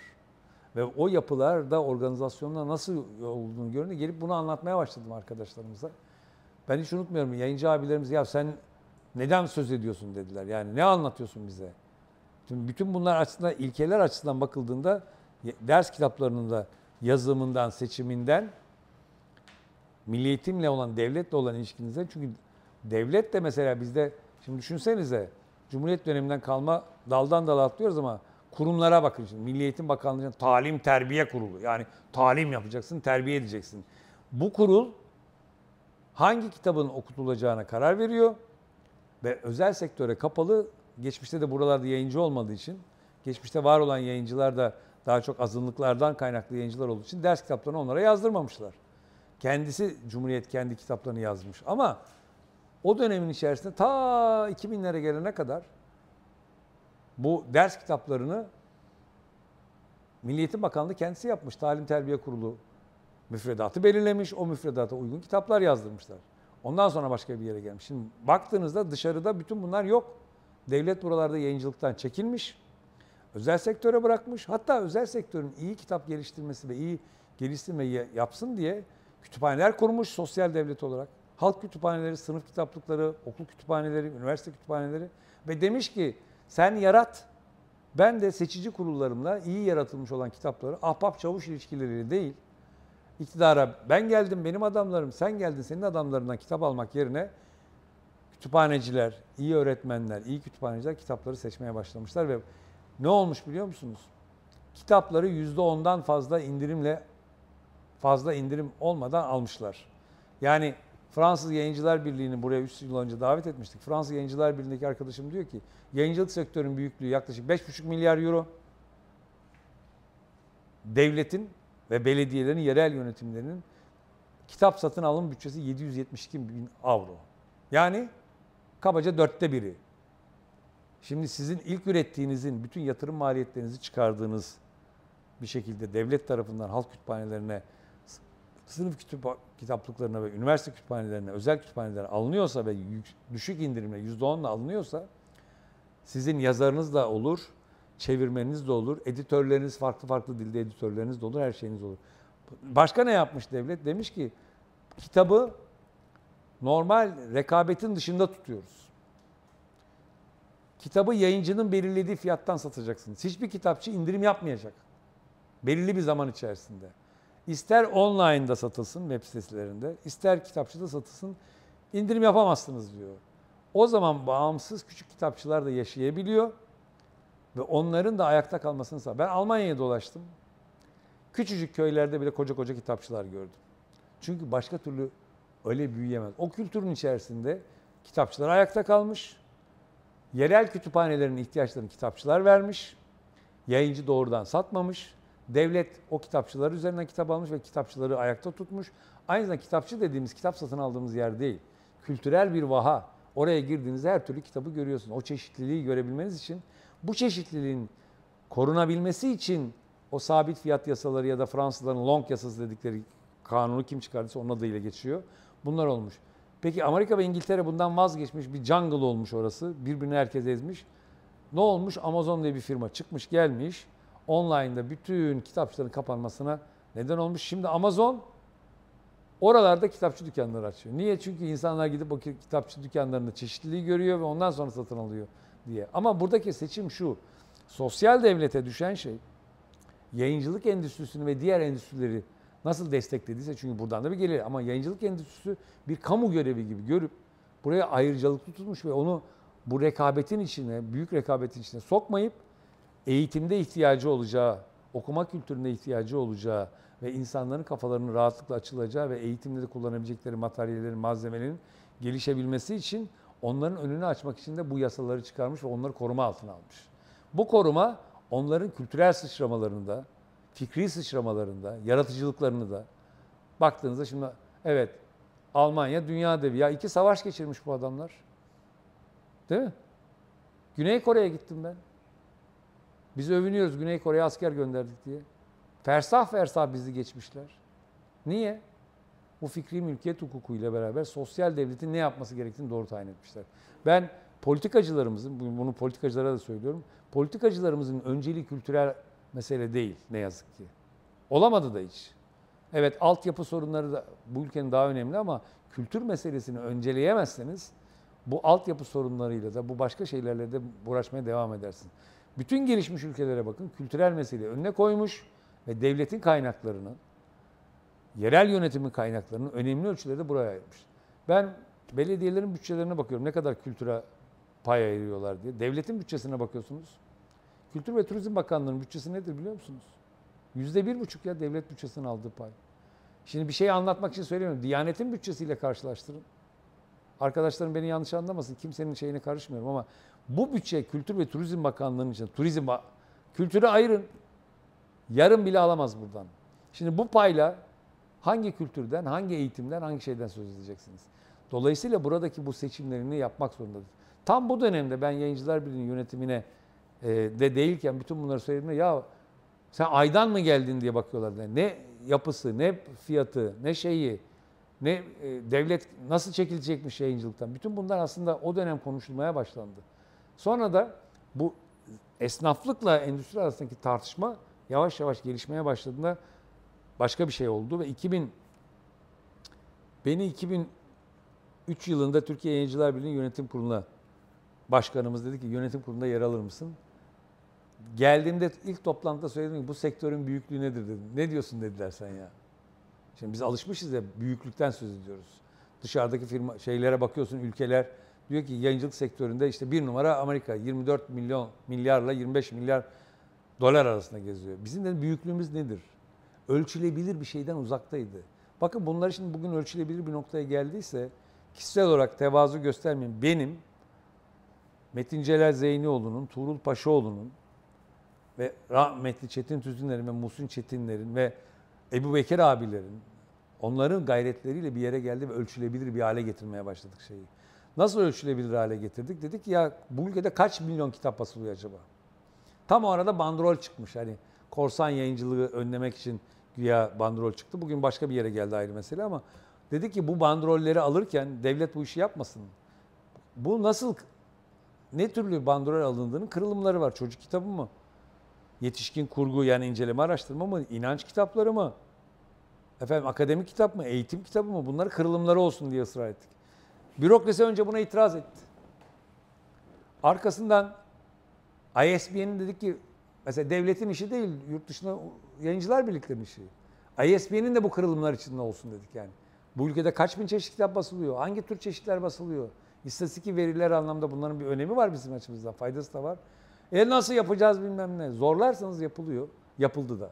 Sonra bütün bunlar bandrol alanla ISBN alan kitapların birbiriyle eşitlensin. Bunları görelim dedik. Şimdi bu 2003'te ben girdiğimde bunları söylediğim zamandan sonra e, başka bir yerlere geldi ama o dönemde dernekçilik dediğimiz şey, sivil inisiyatif dediğimiz şey çok önemlidir. Bu sivil inisiyatifin gelişmesiyle ilgili üyelerin kendi aidatlarıyla yapılacak olan bir mesele değil bu. Dedim ki ben ya bizim gelirimiz nedir? Ben daha göreve gelir gelmez beni başkanım dedi ki sen saymanımız ol bizim. Sayman da yani olmayan paranın nesini saymanı olacaksın. Baktım bütçeye. İşte 200'e yakın üyemiz var, 150'ye yakın üyemiz var. Üye aidatları belli. O üye aidatlarıyla bir gıdım ileriye gidemezsin. Ama bağımsızlığını koruman için de bir gelire de ihtiyacın var. Devlete de gidemezsin. Çünkü devletle de o gün tartıştığınızda bir şey konuşuyorsunuz. Karşınıza bürokrasinin karşısına gittiğinizde böyle bir şey anlatma gerekirken sizin ne yazık ki siyasetçi de bürokrat da şuna bakıyor. Ne kadar gelir getiriyorsun, ne kadar vergi yaratıyorsun, ne kadar istihdam yaratıyorsun, ne kadar bir büyüklük yaratıyorsun. Bütün bunlarla ilgili veriler yok elinde senin. Ben dedim ki bunları anlatmamız lazım bizim. İyi güzel biz yayıncılar birliğiyiz. İşte şöyle yapıyoruz, böyle yapıyoruz. Kültür de önemli de bilmem ne. İyi de siyasetçi böyle bakmıyor meseleye. Bütün bunları bu rakamların ölçülebilir, değerlendirilebilir hale gelmesi için bu deminki saydığımız arkadaşlarla beraber başka bir şey. Ama dedim ki ben hani yönetimdeyiz ya biz bu kitap fuarları niye TÜYAP kendisi yapıyor yani biz niye dedi? TÜYAP da yayıncılar birliği yap, yapmak istiyor. Fakat olmuyor bir türlü. Tartıştık kendi aramızda niye? Geçmişte tartışmalar olmuş. Yayıncılar Birliği'nin başkanına, başkanlarına, e, TÜYAP'taki arkadaşlarımız hiç e, şey değilken hani onların da çok kafalarında olmayan şeyler de olsa bile bir tartışmalar yaşanmış. Tatsız olaylar olmuş. Peki bunları te- telafi edemez miyiz dedik. Yayıncılar Birliği dediğin yerinde aynı zamanda ülkenin yayıncılığıysa TÜYAP'la kitap fuarlarının, İstanbul Kitap Fuarı'nın beraber yapılması çalışmalarının, tartışmalarını yürüttüm ben. Metin Celal Zeynoğlu arkadaşımla beraber. Bu yürütmenin sonunda bizim abilerimize de, o gün başkan ve ikinci başkanımıza da bu fuarı beraber yapmamız gerektiğinde ikna oldu herkes. Oturduk ortak bir sözleşme imzaladık. TÜYAP kitap fuarlarının içeriğiyle ilgili Yayıncılar Birliği'nin çok önemli katkıları olmuştur ondan sonra. Uluslararası bir fuar haline gelmesine önemli katkıları olmuştur. Bunun için de Kültür ve Turizm Bakanlığı'nda devleti de içine katarak konuşmaya başlamışız. Burada tabii 2002 yılındaki ilk Kültür Bakanı Hüseyin Çelik'tir. Sonra e, Erkan Bey geldi. On, onlar ilk defa yayıncıları topladılar. Yayıncılara sordular yayıncılık nedir, ne değildir? Yani sivil toplum ne söylüyor, sivil inisiyatif neyi söylüyor? Bunları dinlemeleri mesela bu çok önemli bir şeydir. Geçmişteki mesela ben 90 yıllarındaki, 2000'li yıllardaki e, kültür bakanlarını da biliyorum. O dönemdeki bürokratları da biliyordum. Başka bir şey geldi. Ve geldiler dediler ki ya siz kimsiniz, ne yapıyorsunuz? Devlet sizin için ne yapabilir? Kur, şeyler mesela bütün bunlar konuşulmaya başladı. Ben mesela hiç unutmuyorum. Bugün Türkiye Edebiyatı'nın dışa açılması projesi var. Değil mi? İsim babasıyım ben. 2002'deki karlı bir kış gününde, bir Şubat ayında Erkan Mumcu Kültür Bakanıydı ve bizi burada Marmara etapta topladı. 100 kişi var. Yayıncılar, yazarlar, yazar örgütleri, çevirmenler, yayıncı örgütleri. Orada herkese 5 dakikalık söz hakkı verdi. Herkesi dinliyor. Biz o toplantıya çok ciddi şekilde hazırlandık yönetim kurulunda. Rahmetli Çetin abi bizi hazırladı. Ben de dedim ki Türk Edebiyatı'nın dışı açılması diye bir şey olsun. Bir enstitü olsun. Nasıl Göte Enstitüsü varsa. Yani bu aslında bizim bulduğumuz yeni bir şey değil. Fransız Kültür Merkezi ne yaptıysa, British Council ne yaptıysa, değil mi?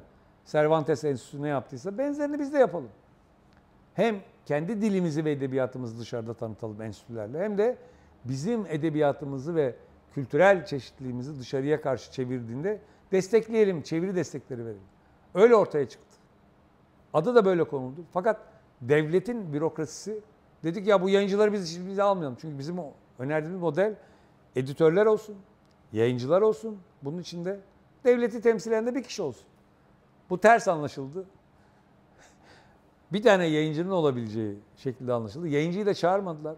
Ve ilk baştan bütün o çeviri destekleri e, bir şeyi olmayan yani yayın dünyasında o ülkede bir dağıtım ve satış gücü olmayan yayıncılara da verildi. Bugün 3000'e yakın kitabı desteği yapılmış. Çok önemli bir şey bu. Şimdi o dönemde bütün bunlar ortaya çıktı. Ee, ama TÜYAP'la beraber başladığında Kültür Bakanlığı da bunun içine girdiğinde bizim bu İstanbul'un bir kültür merkezi olabileceği, bir telif merkezi olabileceği, düşünsenize stratejik bir yer olabileceğini konuştuk. Kafkasların, dağılan Türkiye Cumhuriyetlerin, Balkanların, Akdeniz çanağının, burası önemli bir yer ve buradan bir merkez yaratabilir miyiz diye uğraştık. Kısmen oldu da her yıl bir konuk ülke yaptık. O konuk ülkenin e, bakanları geldi. O ülkeler gelip yayıncılarını anlattılar burada. E, standlar kurdular ve çeviri destek projeleri karşılıklı fellowship programları düzenledik. Her ülke yayıncı ile yayıncı buluşmalarını yaptık. İtalyanlarla yaptık, Fransızlarla yaptık. iki yılda bir, üç yılda bir. O fuarlarda yaptık ve bugün çok mutluyum ki hani dünyaya açılan bir yayıncılığımız var. E, hatta bir gün dedim ki ya İngilizlere, Almanlara bir şey satmakla uğraşmayın. Başka bak bir coğrafya var. Afrika var, Orta Doğu var. Mesela Katar'a gidildi, e, Abu Dhabi'ye gidildi, Endonezya'ya gidildi, Malezya'ya gidildi. Orada da Müslüman bir nüfus var. O insanlar da şöyle baktılar. O insanlarla telif hakları ve ticari şeyler gelişti. Ve bugün Türkiye kitap ihraç eder hale geldi. Geldiyse bizim o geçmişteki bu şeylerimiz, geliştirdiğimiz yani kültür, zanaatla endüstri arasında hala sıkışmış durumdadır diyorum. Çünkü bizim yapısal sorunlarımızı çözemedik. Deminki de o dedim sabit fiyat meselesi gibi şeyler de var ama fuarları beraber yapmayla beraber dernek ne kazandı biliyor musunuz? Geliri oldu. Bak şimdi burada Yayıncılar Birliği'nde kocaman bir ofisteyiz. O gelirle beraber ikide bir de bana şey diyorlar. İyi ama Yayıncılar Birliği TÜYAP'tan aldığı geliri var. Evet var. Var kardeşim bu fuarı bütün dünyada kitap fuarlarını yayıncı birlikleri yapıyor. Alman Yayıncılar Birliği Frankfurt Kitap Fuarı'nı yapıyor. İtalyan Yayıncılar Birliği yapıyor. Ama kendisi büyüklüğü içinde bir fuar şirketiyle yapmış. Bazıları da kendileri yapmışlar. Şimdi oradan gelen gelirle siz dünyadaki gelişmeleri, bütün bu bilgileri ve dünyadaki gelişmelerle beraber iyi kadrolarla çalışmaya başlıyorsunuz ve devletin karşısına da çıktığınızda derdinizi anlatalım. Sonra devletin karşısına şöyle çıkmaya başladık. Tabii 12 Eylül'den çıkmış bir ülke, bürokrasinin ağırlığı böyle şey üzerinde olmuş bir ülke. Ben e, 2002'den itibaren mesela ilk bürokrasiyle karşılaştığımızda o üstenci tutum mu gördüm hep. Hiç unutmuyorum 2004 ya da 2005 Milli Eğitim Bakanlığı'nın Talim Terbiye Kurulu'na toplantıya gidiyoruz.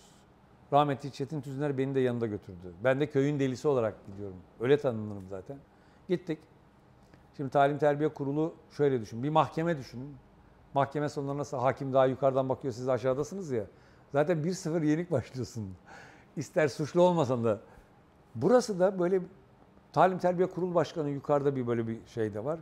Kurul üyeleri var bir kademede. Ee, aşağıda da sen böyle bakıyorsun şeye ve tartışılıyor. Biz de diyoruz ki hani devlet yayıncılıktan çekilsin. Milli Eğitim Bakanlığı ders kitaplarını denetlemeyi bıraksın müfredatı koysun baş, başka ülkelerdeki müfredatı da belirlerken örneklerini koyuyoruz.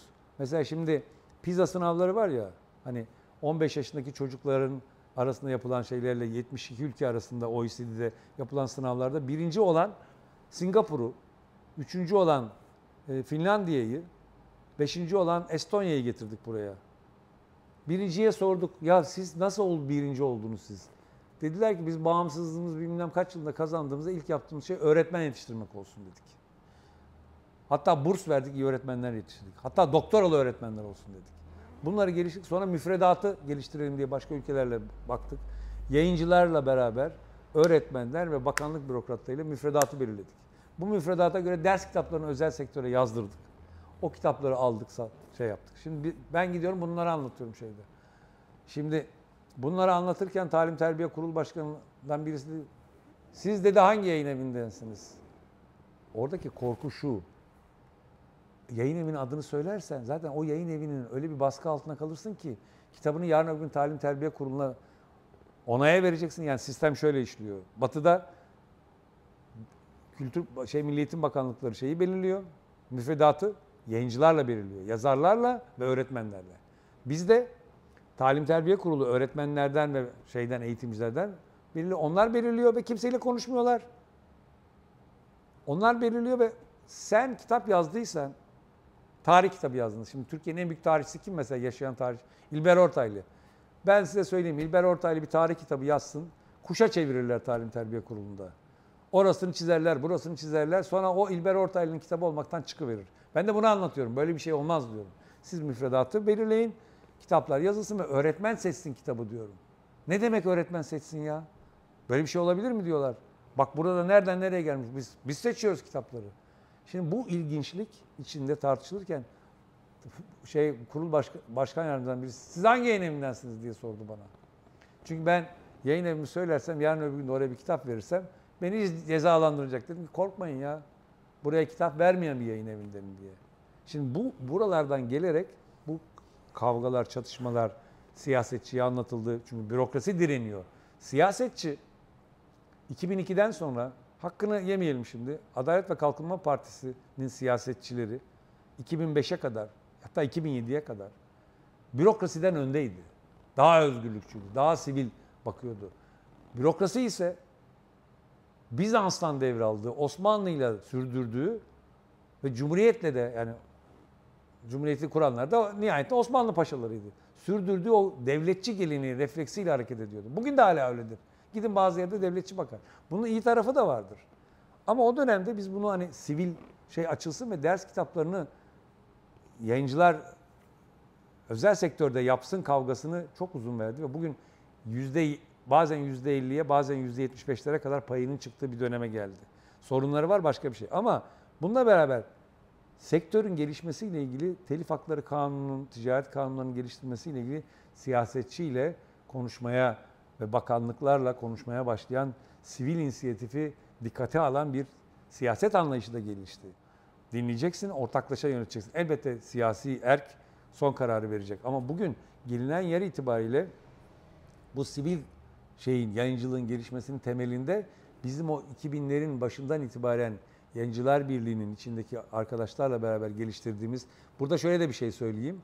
Yani bu TEDA projesiyle beraber aslında Türkiye'nin Frankfurt Kitap Fuarı'na katılım meselesiyle de beraber iki yayıncı grubu arasında muhafazakar yayıncılar, işte kendisini daha demokrat solda tanımlayan yayıncılar sanki böyle karpuz gibi bölünmüş gibiydi. Bu da yanlış. Yani bizim eski sol hastalıklarımız nasıl 63 tane fraksiyon varsa sağda da baktığınızda birbirinden çok az nüans farklarında baktığımda işte ben Nakşibendilere de bakıyorum kendi aralarında ayrılmışlar. Nurculara da bakıyorum ayrılmışlar. Ee, ülkücülere de bakıyorum. İçinden 3-4 tane siyasi hareket çıktı. Ee, bütün bu ayrılıklar aslında zenginlik olarak görülüp bir arada bulunma meselesi olarak bakılamadı. Hala da bakılamıyor gibiydi. Sonra da biz bunu başka türlü baktık. Mesela bir dönem bu derneğimizin üye olarak başvuranların siyasi görüşüne bakılıyormuş. Ben şeyle de beraber hani bizim dönemimizde de rahmetli Çetin abi zamanında da böyle değildi. Yayıncılık yapıyor mu yapmıyor mu biz ona baktık. Şeyine bakmadık yani. Böyle olunca da başka bir yere geldi. Bu karpuz gibi ayrılmayla Frankfurt Kitap Fuarı'nın katılımı sırasında 2008 katılımı çok kritik bir şeydir. Kültür Bakanı da kulakları çınlasın minnettarız Ertuğrul Günay'dı. Ama ondan önce de Atilla Koç mesela çok eleştirilen bir bakandı. İşte uyuyor diyor diyor. Ya Atilla Bey kadar kitap okuyan ben görmedim. Ve Atilla Bey kadar, Atilla Koç kadar ona bir kararname mi bir şey mi istiyorsunuz sizden? Yayıncılık endüstrisi olarak. Beklettiğini de görmedim. Çünkü devletten gelmiş, bürokrasiyi biliyor ama bürokrasinin e, hızlı çalışmasını, nasıl çalışmasını da bilen biriydi ve ne söylediysek kulakları çınlasın, Allah uzun ömür versin. Hepsini yapmıştır. Onun da geliştirilmiş olan bu şey meselesi Frankfurt Kitap Fuarı katılımı sırasında arkadaşlarımızın ön yargılarını kırılacak şekilde bir eş güdüm toplantıları yapıldı. O eş güdüm toplantılarından bir başkan seçildi. Frankfurt Kitap Fuarı'na hazırlık eş başkanı. Bir devletten, bir özel sektörden sevgili Müge Gürsoy Sökmen Metis yayınlarından o eş başkanlığı. Diğer eş başkan da Kütüphaneler Yayınlar Genel Müdürü Yardımcısı o günkü Ümit Yaşar Gözüm'dü. Ama onun yanında yayıncı arkadaşlarımız vardı. Kim? Metin Celal Zeynioğlu, Münir Üstün, Basın Yayın Birliği'nin o günkü genel sekreteriydi. Metin Celal de Türkiye Yayıncılar Birliği'nin genel sekreteri. Yazarlar Sendikası'ndan rahmetli Ercan Meriç, pardon e, Enver Ercan, yanlış söyledim. Nur içinde yazsın. Ali Ural, şair Ali Ural, öbür diğer Yazarlar Birliği'nden, Türkiye Yazarlar Birliği'nden üye. Şimdi bütün bunlar böyle bir ortaklaşa şey yapıyorsunuz. Türkiye'yi nasıl tanıtacaksın? Ortaklaştırıldı ilk defa. Birden ön yargılar kırıldı, ön yargılar yıkıldı. Öncesinde de yıkılmıştı bir nebze. Ve buralarda böyle ortak iş yapma şeyleri geliştirildi. Benim de sihirli bir şeyim var. Sonra da 2009 yılında Kültür Bakanlığı bir şey yapmaya karar verdi. 5. Ulusal Yayın Kongresi. O Ulusal Yayın Kongresi yapılırken bunu dediler ki özel sektörle ortaklaşa yapalım ve özel sektörün ağırlığında olsun. Yani sivil inisiyatifle yapalım. Gene bir araya gelindi. Örgütler kendi aralarında bir eş başkan seçtiler. Devletten biri. Devletten gene Ümit Yaşar Gözüm seçildi. Bizim sivil inisiyatif içinde de beni seçtiler eş başkan olarak arkadaşlarımız. Ben de gittim. Bu kongreyi Türkiye tarihinin içinde birinci Neşriyat Kongresi'nin Hasan Ali Yücel'in döneminde yapılmış. Açın o kararları. Şimdiki şeylere bakın çok fazla bir şey değişmemiş ama 5. Ulusal Yayın Kongresi'ni 2009'da yaptık. Bu kongreyi yaparken de 250'ye yakın insanı bir araya getirdik. Devletin kurum ve kuruluşlarına, savcıları, hakimleri, e, yazarlar, yayıncılar, çizerler, çevirmenler. 11 komisyonda önce bunları tartıştırdık. Kongrede de e, kongre kararları haline getirdik. Kongre kararlarının e, kitapçığını çıkardık. Kongrenin hazırlık süreci içinde bir düsturumuz vardı. Ben kavga çıkmasın diye öncesinden çok önemli çalışmalar yaptık. Milli Eğitim Bakanlığı ile yayıncıları bir araya getirdim. Öncesinde tartıştırdık. Bu 9 kişilik komitenin içerisinde eş başkanlardan Ümit Yaşar Gözüm Kütüphaneler Yayınlar Genel Müdür Yardımcısıydı. Ben diğer eş başkandım. Komitenin içinde Münir Üstün, pardon Münir, Münir, Münir Üstün evet Münir Üstün var. Çocuk yayıncılarını temsilen e, Mine Soysal, kitap yayıncılarını temsilen başka bir arkadaşımız Cengiz Avcılar, e, Milli Eğitim Bakanlığı'nı temsilen bir e, yönetici vardı. Devletten iki kişi vardı. E, hem demin saydığım isimlerini saydım Enver Ercan şair, gene Ali Ural bir de eğitim yayıncılarını temsilen e, Celal Musaoğlu abimiz 9 kişilik bir komiteyle bu kongreyi hazırladık. Ve düstur da şudur. Birlikte düşünelim, birlikte yapalım. Bu düsturla bu 9. Ulusal Yayın Kongresi'nin açılışını gene kulaklar çınlasın Ertuğrul Günan yaptı. Bunun kitapçığı da var. Erişebilirsiniz. Bizim web sitemizde de var. Şeyde de var. Ve orada uluslar yani yayın sektörü bütün bu konuları enine boyuna düşünce ifade özgürlüğü düşünsenize düşünce ifade özgürlüğüne ben bir savcının ve bir hakimin bizden daha ileri şeyler söylediklerine karar şahit oldum.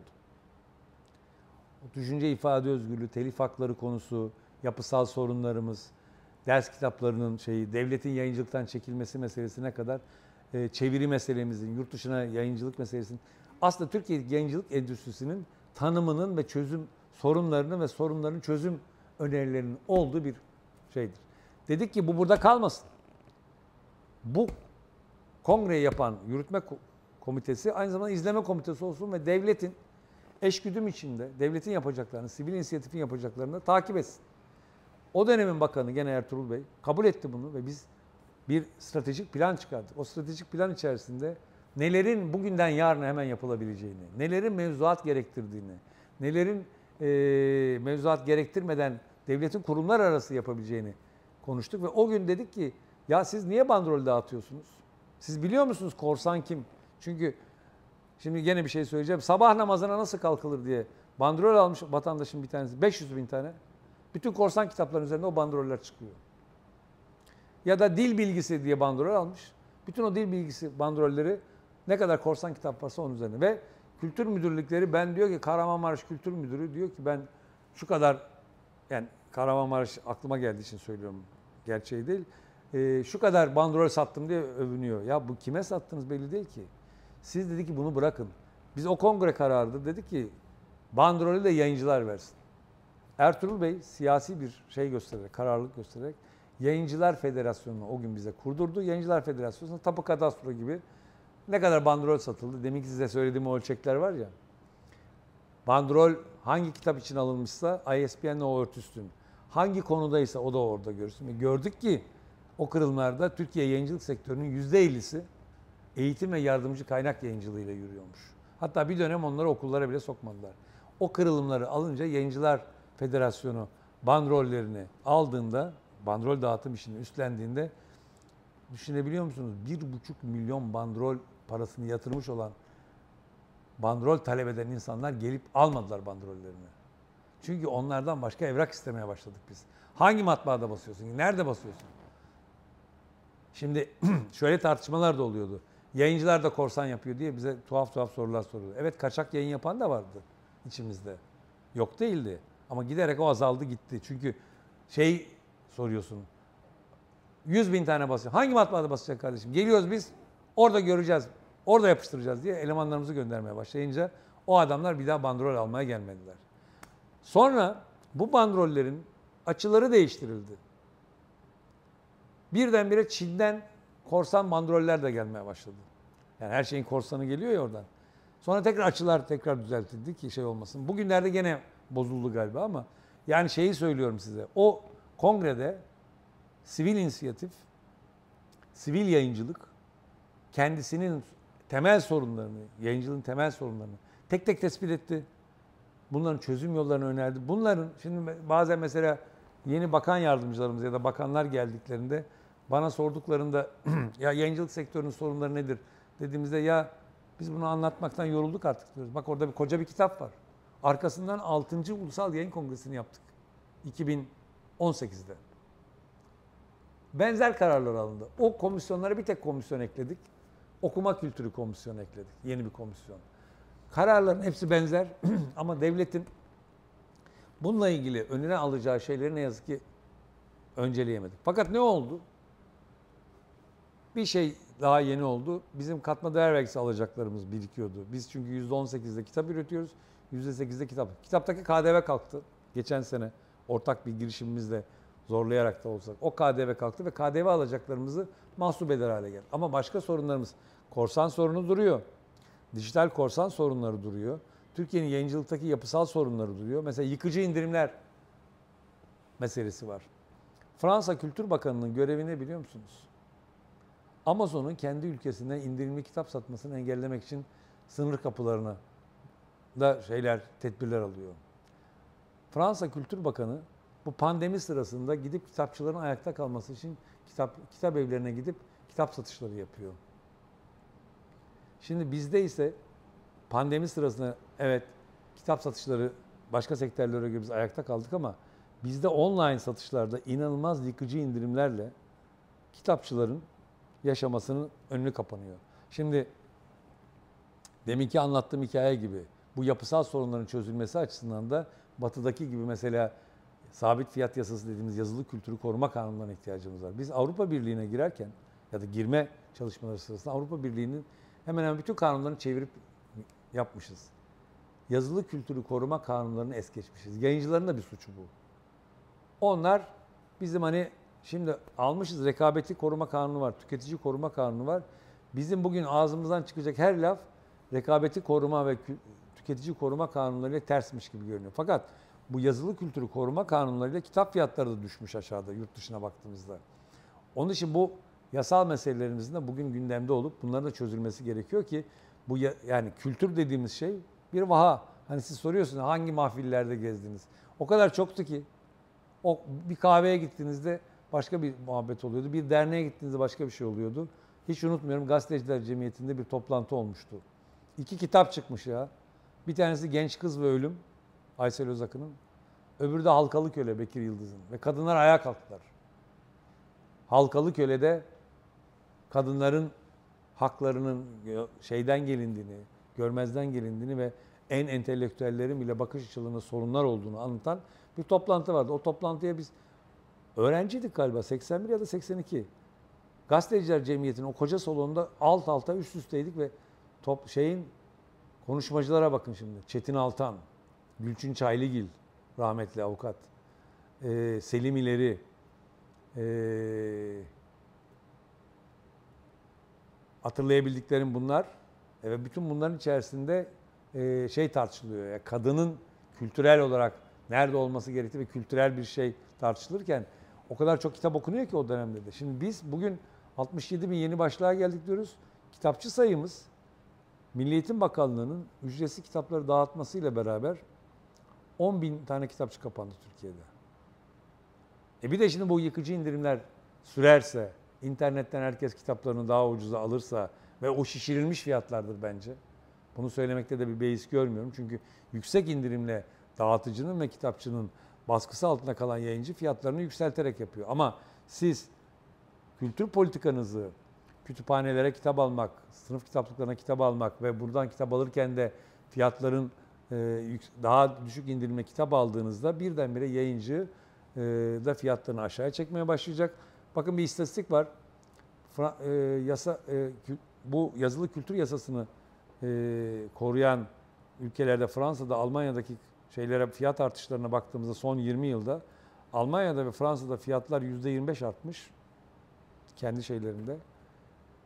İngiltere ve Amerika'da yüzde yüzlere yakın, yüzde 87 artmış. Son 10 yılda. Çünkü orada korumuşlar, o korunma ile beraber başka bir şey olmuş. Kültürel faaliyetler ve oralardaki yaratıcılık da başka bir yere gitmiş. Şimdi Almanya'dan bir sürü marka sayabilirsiniz değil mi? Kore'den de sayabilirsiniz. Türkiye'den bir marka sayın. Bir iki tane marka var değil mi? Niye? Yaratıcılık dediğin şey öyle gökten zembille düşmüyor. Yani kültür ve yayıncılık aslında o kadar önemli bir şey, yerde ki bunun getiriciliği şey sizi ülke olarak başka bir yere getiriyor. Güney Kore'ye ben gittiğimdeki o kadar güzel kitaplar yapıyorlar ki. O kadar güzel çocuk kitapları yapmışlar ki. Ama o yaptıkları kitapların kendi ülkelerindeki satışlarıyla beraber, başka ihracatlarıyla da beraber kendi endüstrisi başka bir yerde. Gene bir şey söyleyeyim size. Bu kıta Avrupa'sındaki yazılı kültürü koruma kanunlarından dolayı İngilizlerin ve Amerikalıların bütün firmalarını Almanlar ve Fransızlar satın aldı. Niye? Sermaye birikimi, entelektüel birikim ve bir şeye bırakmadılar bunu. Bir jungle şekilde e, bir şey cehennemin içine atmadılar. Onun için Türkiye'nin geldiği yer anlamıyla Türkiye Yayıncılar Birliği olarak hani bizim kişisel olarak da benim ve arkadaşlarımızla beraber bütün yayıncı arkadaşlarımızla mesela bugün öyle bir noktaya geldi ki Basın Yayın Birliği diye de bir derneğimiz var. Oradakiler de bizim arkadaşımız. Birçoğu bizim de üyemiz.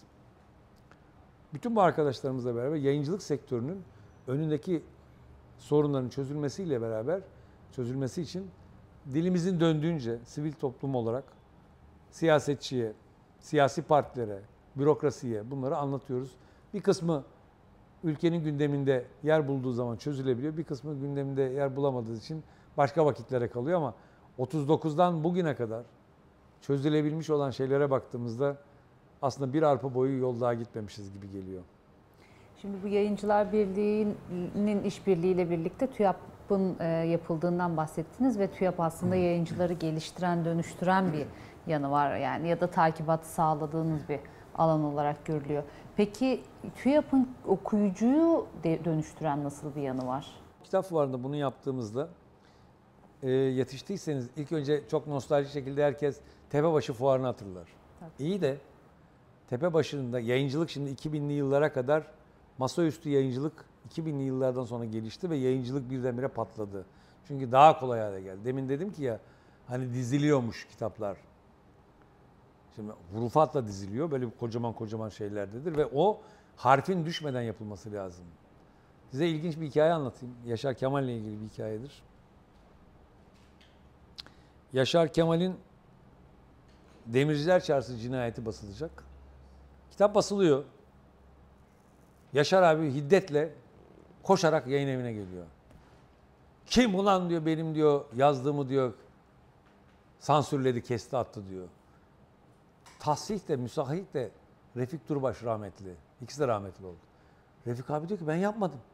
Kim yaptı? Bağırıyor Yaşar abi. Ortalık yıkılıyor. Yayın evi sahibi de orada. Oradan cılız bir ses. Mürettip hani bu dizen adam rototip şeyini.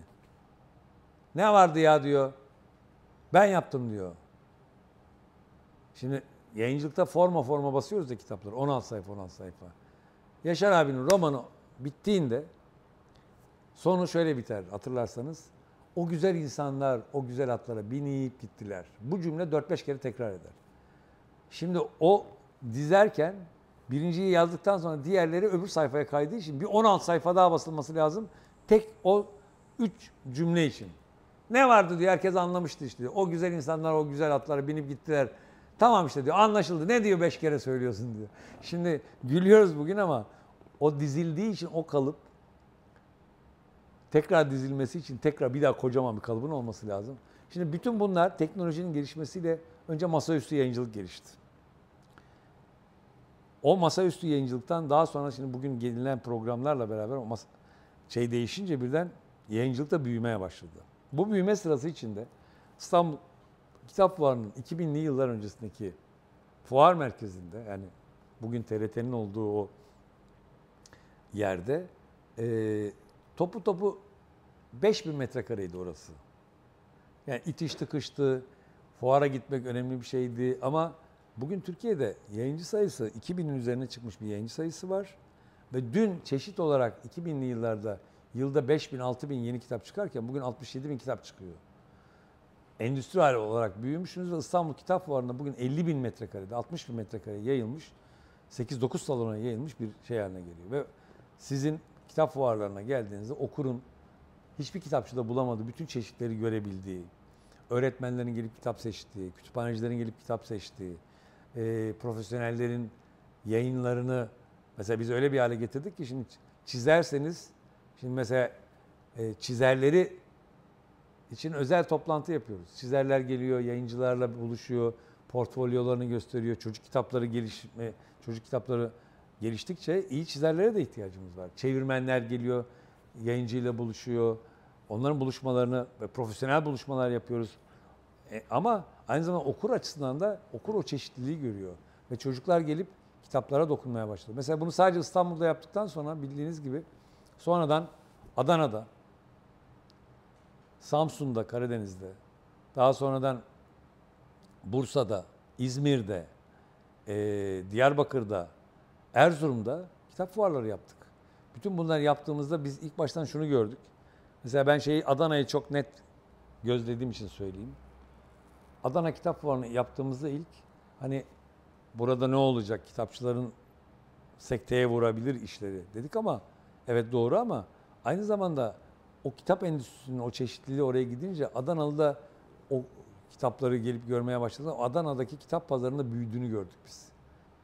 Çünkü okur orada bir şeyi gördüğünde şey oldu. Mesela Samsun'u size söyleyeyim. Önce okullardan çocuklar gelirler. Böyle bakarlar. Kork, kitaba dokunmaya korkarlar. İkinci sene gelip kitabı karıştır böyle açıp bakarlar. Üçüncü sene böyle elinde böyle sıkıştırdığı bir 10 lirası vardır ve o 10 lirasıyla kitap seçmeye çalışır. Seçebilmek özgürlüğün birinci şeyidir biliyor musunuz? Çocuklara mesela biz hep şeyi söyleriz. Bırakın çocuklar kendileri seçsin. Mesela bazı anneler babalar da o sana yaramaz. Ya nereden biliyorsun yaramayacağını? Bırak o da seçmiş olsun. Dördüncü ve beşinci yılda çocuklar ellerinde bir listeyle gelirler. Hangi kitaplar alacaklarına kitap. Ama bu aslında bir başka bir şeyi de yarattı. Hani oralara kültürel olarak başka bir hava getirdi. İnsanların kendilerini ifade etme yerleri bu. Çünkü kitap fuarlarında sadece biz kitap satmıyoruz. Kültürel etkinlikler oluyor. Yazarla buluşuyorlar, yazarlarla tartışıyorlar. Söyleşiler oluyor, etkinlikler oluyor. Birdenbire o yerel şey başka bir dünyayla buluşmaya başlıyor. Yazarıyla buluşuyor. Şeyler e, yayıncıyla buluşuyor. Etkinlikler oluyor. Yerel bölgenin kitapçıları da geliyor. Yerel sanatçılar da, yazarlar da oralara geliyor. Bunun aslında bir kültürel zenginlik yarattığını gördük biz Türkiye'de. Onun için de bu kitap fuarları meselesi hani umarım bu pandemi bir ara biter de tekrar o günlere döneriz. Bunun çok etkisini gördüğümüz e, şeylerin olduk. Yani hem yazarlar okuruyla buluşuyor, hem yayıncılar okuruyla buluşuyor. Varsa eleştiriler alıyorlar, okur söyleşileri oluyor. Bu da önemli şeyler. Bu hani e, bunun Türkiye yayıncılık endüstrisinin gelişmesinin çok önemli katkıları olduğunu düşünüyorum ben. Peki e, TÜYAB'a katılacak yayıncıları ve yayın evlerini nasıl belirliyorsunuz? Onlardan mı geliyor talep yoksa Yok biz belirlemiyoruz. Türkiye yani TÜYAP'a başvuruyor insanlar. Sadece bizim üyemizse yayıncı TÜYAP'tan bir indirim alıyor. Yayıncılar Birliği çünkü bizim yaptığımız anlaşma gereği eğer Türkiye Yayıncılar Birliği'nin üyesi ise e, katılımcı ayrı bir e, fiyatla karşılaşıyor. Yayıncılar Birliği'nin üyesi değilse başka bir fiyatla karşılaşıyor. Aa şöyle bir şey olabiliyor. Biz mesela daha küçük ve ticari olarak e, gücü çok yüksek olmayan bazı yayıncı arkadaşlarımızı da desteklemek açısından mesela onlara farklı fiyatlar uyguladığımız şeyler de olabiliyor. Orada biz TÜYAP'a diyoruz ki kültürel çeşitliliğin yaşaması açısından bazı küçük yayıncılardan farklı fiyatlar uygulamanız gerekiyor. TÜYAP'ta da bu anlamda iyi bir işbirliğimiz var. Onlar da bizi kırmıyorlar çünkü bazen küçük yayıncının da yani küçük büyük yayıncı demek biraz tuhafıma gitmekle beraber hani gücü oranında daha güçsüzmüş gibi görünse bile kültürel çeşitlilik açısından faydası olacak olan kültürel çeşitliliğe katkısı olacak olan yayıncının da yaşaması lazım. Onların da o fuarlarda olmaları lazım. Onun da okuruyla buluşmasının şeyi var. Ve bugün sosyal medyanın gelişmiş olmasıyla beraber aslında çok ciddi buluşmalara sahne oluyor kitap fuarları. Yani o sosyal medya ile beraber birebir yüzleşiyorlar şeyde gelip oralara geliyorlar. Onun için de bu çeşitlilik açısından da bizim şu yayıncıyı fuara alın, bu yayıncıyı fuara almayın gibi şeylerimiz yok. Ha şu var. Geçmiş dönemde bir biçimde korsan yayıncılığa bulaşmış birisi varsa bizim bizim bizim de kendimize göre bir şeyimiz var. Bir hafızamız var. O kadar da böyle hafızamızı yok saymıyoruz. Ee, ve şeyle ilgili bu anlamda bir bir kara liste var anlamda söylemiyorum ama bir hafızamız var. O hafızanın içerisinde de birincisi ötekini yanındaki komşu yayıncısını ötekileştirmeyen, öyle bir dil kullanmayan, böyle kullanmalar da oldu. Biz bunların önüne de geçtik. Çünkü şey olmaz, siz farklı düşünüyor olabilirsiniz. Yani bizim fuarlarımıza bir bakıyorsunuz en uçtan e, İslamcı bir arkadaş da, anarşist bir arkadaş da olabilir, Kemalist bir arkadaş da olabilir, ulusalcı bir yayın evi de olabilir. Tamamen muhalif başka yayıncı da olabilir. Buradaki esas mesele yayıncı mı değil mi ve kendisini ifade ediyor mu ve ifade ederken şiddete övüyor mu övmüyor mu? Bizim baktığımız şey bu. Uluslararası evrensel kurallar da budur zaten. Yani onun için de bu fuarların bir çeşitlilik içinde olmuş olması da önemli. Şimdi bu fuarlara gittiğinizde her türden yayın var. Eğitim yayını da var, çocuk yayını da var. Bir inceleme araştırma da var, sanat da var, ithal kitap da var. Hepsi var. O anlamda hani insanlar ne bütün bunların hiçbirini birçok kitap evinde bulamazsınız. Bugün Türkiye'de 350 bine yakın aktüel yayın var. 350 bin çeşidi bulunduracak kitap evi yok ki. Onun için fuarlara ihtiyaç var tabii. Şimdi 90'lı yıllarda az önce de biraz giriş yaptık aslında. E, yayıncılık büyük bir sektör haline alıyor ve e, bazı yayın evleri artık işte banka destekli, holding destekli yayın evleri biraz daha oluşuyor. O işte esnaf yayıncılığından daha endüstriyel yayıncılığa geçiş e, süreci başlıyor. Şimdi siz tabii bu ağlardan çok fazla bahsediyorsunuz ama böyle biraz da yayıncı gözüyle işte literatür yayınlarındaki hafızanız üzerinden de değerlendirirseniz bu e, banka, holding ve sermaye yayıncılığı e, bu yayıncılıkta nasıl bir etki oluşturmuştur? Yani işte o sivilden patronaja geçiş süreci nasıl bir nitelik değişimi e, gerçekleştirmiştir? Size? Bir anekdotla anlatayım. Bu sorunuza cevap vereyim. Bu 2002 yılında açtığımız ve 2004'e kadar sürdürdüğümüz ve benim önemli bir hayalim olan ve bütün dünyada gezdiğim o güzel kitap evlerine benzerini açtım ve aslında daha sonradan da herkese bir danışmanlık hizmeti yaptığımı fark ettiğim o kitap evinin de ben imza günü yapmıyordum. Doğru ya da yanlış. Yani bugün tartışmıyorum onu. Ee, bir gün Doğan Kitap'tan arkadaşlarım aradı. Dediler ki ya Sakıp Sabancı sizin kitap evinizde imza günü yapmak istiyormuş. Dedim ki nereden görmüş? Görmüş. Dedim yapmak istemiyoruz. Dediler ki sağlığı iyi değil. Biz de kıramıyoruz. Peki dedim. Şubat hafif kar yağan bir günde Sakıp Bey imzaya geldi ve tabii duyurulmuştu imzası da. Büyük bir kalabalık geldiler. Sakıp Bey kitaplarını imzaladı. Sonra dedi ki müesseseyi tanıyalım diye ben kendisini yukarıya bir üst katta benim odama aldım. Sohbet ediyoruz. Ee, laf lafa açtı. Sakıp Bey tabii çok büyük bir e, sanayici olduğu için soru sormaya başladım. bana. Ya kaç metro tül dedi burada kitap var dedi. Metro tül. Dedim ki şu kadar metrekare yani şu kadar tül. Kaç çeşit kitap var dedi. Dedim ki 15 bin yabancı dilde kitap var. Bizim mesela en büyük özelliğimiz oydu. 32 binde dedim şey var. Türkçe kitap çeşidi var. Her birinden kaçar tane var dedi. Ortalama 4 tane dedim. Kar marjı ne dedi? %35 dedim. Para kazandırmaz bu iş dedi. Ağam dedim zaten bu iş para kazandırsaydı sen bize bırakmazdın bu iş dedim. Kahkahalara güldük. Rahmetli 28 gün sonra da vefat etti. Bunu şunun için söyledim. Sermaye önemlidir. Yani bizim iş dünyamızın, sermayenin yayıncılık sektörüne çok geç girmesi de e, endüstriyel olarak da bu işlere bakılmaması nedenindendir. Ben banka yayıncılığı olarak mesela Yapı Kredi'nin girdiği anda itibaren işte Enis Batur'un da yönetimiyle orada bir profesyonel bir ekip kuruldu. Mesela Adam Yayıncılık da öyledir mesela şey de öyledir mesela Britannica da bir endüstriyel şirket gibi çalışmıştır ve o endüstriyel şirket Britannica ansiklopedisini var etmiştir ve bir sürü önemli kadrolar orada yetişmiş ve çalışmış ve insanlar oradan hem ekmek yemiştir hem de ciddi bir sermaye katkısı olduğu için de satışlar da iyi gitmiştir. Yapı kredinin de geldiği zaman da buraya önemli bir sermaye birikimi getirdiğinde de e, belki de telif haklarının gelişmesine, yazarların e, hak ettikleri itibarı kazanmaları açısından da önemli bir şey yaratmıştır. Buna kimsenin itirazı yok. Arkasından İş Bankası zaten geçmişten beri devam ediyordu. E, bir de mesela Doğan grubu büyük bir holding olarak bu işe girdi. Mesela onların da giriş şeylerine baktıklarını da başka bir işe girerken ki yaptıkları analizleri yapmadan girmişlerdir. Ne bileyim bak mesela Doğan grubunun ben sohbet ettiklerimde anladığım, hissettiğimi söylüyorum. Diyelim ki bir petrokimya alanına gireceklerse pazarda kim var, güçlü yanlar nedir, zayıf yanları nedir, buradaki pazar nereye doğru gidecektir, ne kadarlık bir yatırım gerektirir, kadroları nasıl kurmak lazım gibi şeyler yapmaları lazım. Ama burada öyle olmamış mesela. Doğan kitabının kurulmasında da gene rahmetli galiba Hakkı Devrim'in e, önemli bir payı var. Onun etkisiyle Doğan kitap kurulmuş ama ondan sonra e, başka bir yere gelmiştir şeyde. Yani e, sermayenin bu işe giriyor olması, işin endüstrileşmesi meselesine de önemli bir etkisi olmuş. Buradaki sıkıntı orada değil. Buradaki sıkıntı şu.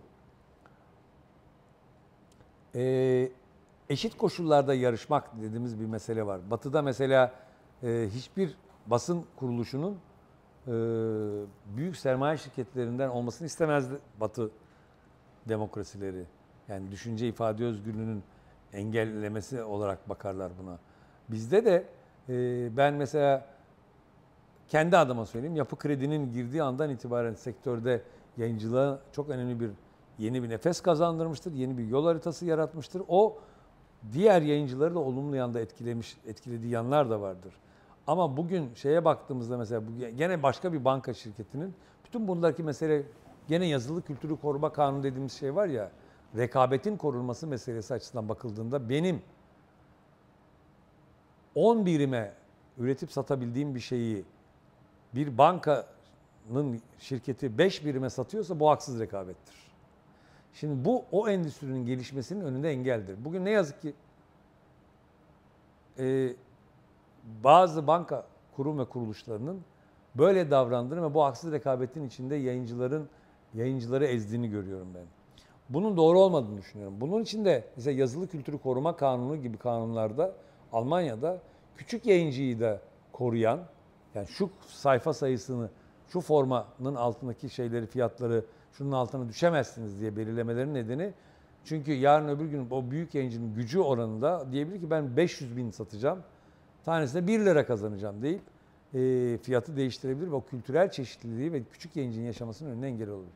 Burada sermayenin girmiş olmasını avantajlı görürken hatta yabancı sermayenin keşke yabancı sermaye gelse kültürel çeşitliliğe de e, şey yapmadan, zarar vermeden gelse ve şey yapsa, yayıncılığın içinde olsa. Bugün mesela büyük gazete şirketleri yayıncılığa girmeye başladı. İşte Yeni Şafak grubunu görüyoruz. Ketebe diye yayın evi kuruldu. Değil mi? Yani bütün bunlar aslında ben olumsuzlamıyorum. Bunlar olumlu şeylerdir. O zaman iyi editörler, iyi kadrolar organizasyon içinde yer alacak. iyi editörler çalıştıracaklar. iyi çevirmenlerle çalışacaklar. Çevirmenler buradan önemli gelirler elde edecek, çizerler elde edecek, yazarlar elde edecek. Ama yayın endüstrisinin içindeki yapısal sorunlarını çözdüğünde kitapçıların çoğaldığı ve kitapçıların da bir şeyi geliştiği ve onların da hırpalanmadan yürüttükleri bir yapı içerisinde olduğu süre içerisinde ve haksız rekabete neden olmayacak şeyler yaptıkları süre içerisinde ben sermayenin bu ülkede yayıncılığa girmesinde hiçbir beis görmüyorum. Rekabet iyi bir şeydir ama eşit koşullarda rekabet edeceğiz. Bugün bir banka şirketi aslında bankacılık statüsü açısından dava edilse belki rekabet kurumunda dava konusu olabilir. Bir banka şirketi her birimizin 10 birime satabileceği bir şeyi 5 birime, 3 birime, 4 birime sat, satar halde geliyor. Bu yanlış. Bu burada bir haksız rekabet var. O gücünü kullanarak o satamadığı ürünü değerlendirebileceği bir sübvansiyonla karşı karşıyaysa başka bir yayıncı bu sübvansiyondan faydalanamıyorsa bu haksız rekabettir. Buna itirazımız olur. İş Bankası mesela. Türkiye İş Bankası bir tanesi İş Bankası'dır. Devletin buna bakması lazım. Buna bakması lazım. Şimdi İş Bankası aynı zamanda bizim üyemiz. Yapı Kredi de bizim üyemiz. Yapı Kredi'ye baktığında buna ya, haksız rekabetin neden olabilecek olan şeylerini yapmıyorlar. Ama bir başka banka mesela bankaların aslında belki de bu sektörde olmaması gerekiyor. Çünkü bankacılık kanununa göre başka bir sektörde olamazsınız. Sermaye grubu olarak Koç grubu gidip başka bir şirket kurabilir. Zaten başka bir şirket kurmuşlar. YKY Kültür diyorlar. İş kültür de öyle. Ama e, onların yaşadıkları şeyle bizim yaşadığımız şey farklı olabilir. Bağımsız yayıncılık açısından bakıldığında e, devletin de bunu düzenleyici olması lazım. Bu düzenleyicilik çok açık. Batı'da da söylüyorlar. İşte bankacılık kanununda da belli zaten. Kuramazsınız diyor. Bu sadece şey için değil. Vakıfbank da yayıncılık yapıyor. Değil mi? Denizbank da yapıyor. Bir sürü banka yapıyor. Şimdi bu bankaların yayıncılık yapmasının hani başka bir şirket kurun. Yani oradaki yapar yapmaz benim oradaki kriterim şu. Haksız rekabet yaratıyor mu yaratmıyor mu ona bakıyorum ben. Bütün bu ağların dışında biraz böyle geriye dönük baktığınızda, hafızanızı tazelediğinizde sona doğru yaklaşırken e, Türkiye'de siyasi atmosferlerle yayıncılık ve kültür e, kırılmaları aslında çok birbiriyle örtüşüyor. Bir seyri e, okuduğumuzda siz de az önce işte 80 darbesi ve öncesi, öncesi ve sonrası diye bir ayrım da yaptınız. Bunun dışında başka ne gibi kırılma noktaları oldu yayıncılıkta ve kültürde? Nazım'ın şiirlerinin basılmayıp elden ele dolaştırıldığı günleri biliyoruz. Kazım Karabekir'in anılarının matbaadan alınıp ima edildiğini biliyoruz. Sansür dediğimiz şeyin boş sayfalarla çıkmış olan şeylerini biliyoruz. Onun ötesinde şeylere gelene kadar da 60 öncesinde de 60 darbesi öncesinde de gazetelerin boş çıktığı, sansürlerin yani iktidar, erk, e, muhalefet istemiyor. Ama gelişmiş batı demokrasilerine baktığınızda muhalefetin de bir gücü olduğuna, muhalefetin de kendi sözünü söyleme hakkı olduğunu ve bunu yayıncılık üzerinde yapıyorsunuz zaten. Türkiye'de, Türkiye'nin kendi içinde tabuları var. Bu tabularıyla, bu tabular değişerek de geldi ama tabuları vardı. Dün başka bir tabu vardı. Bu tabu önce sol fikirler söylüyormuş gibi komünizm tabusu, korkusu vardı. E şimdi bir şey söyleyeyim size. Sebahattin Ali 1948'de öldürülmüş. 1948'den 60'a kadar kitapları yayınlanmamış ya. Şimdi 70 yılı doldurdu diye herkes Sebahattin Ali'nin kitaplarını basmaya başladı. Şimdi o insanın kitapları basılamamış, alenileşememiş 60'lara kadar. 20 yıl. Ben Filiz Ali'nin yerine olsam dava açarım. Benim babam öldü, öldürüldü, öldürüldü ve onun kitapları yayınlanamadı. Bu ülkede öyle şeyler yaşandı. Tezgahlar altında 12 Eylül öncesinde tezgahların altına bir sürü kitap konuldu. Kitap yasaklamaları oldu. Liste liste kitap yasakları çıktı. Hala bugün cezaevlerine kitap giderken cezaevi müdürleri diyor ki bu olmaz, şu olmaz. Ya kim kim karar verdi buna? Hala bugün basın yasası diye bir yasamız var. Yayıncılar kitap yayınladıklarında götürüp basına, basın savcısına 3 tane kitap veriyor. Basın savcısı buna 6 şey içinde, 6 ay içerisinde dava açtı, aç- açmadı. Ülkenin bir basın yasası var. Beğenelim, beğenmeyelim. Biz de yayıncılar olarak bu basın yasasına tabiiz. Her yayınladığımız kitabı 3 üç, üç nüsha götürüyoruz, veriyoruz. Devletin savcıları kendilerince bir suç unsuru görüyorsa dava açıyor. 6 ay içinde açması lazım. 6 ay içinde dava açılmamış kitaplar Anadolu'da çeşitli mahkemeler tarafından şimdi bugün dava açılıyor. Sulh hukuk hakimliği, felence kitabı yasakladın, feşmekence kitabı yasakladın. Ya senin görev alanın değil ki.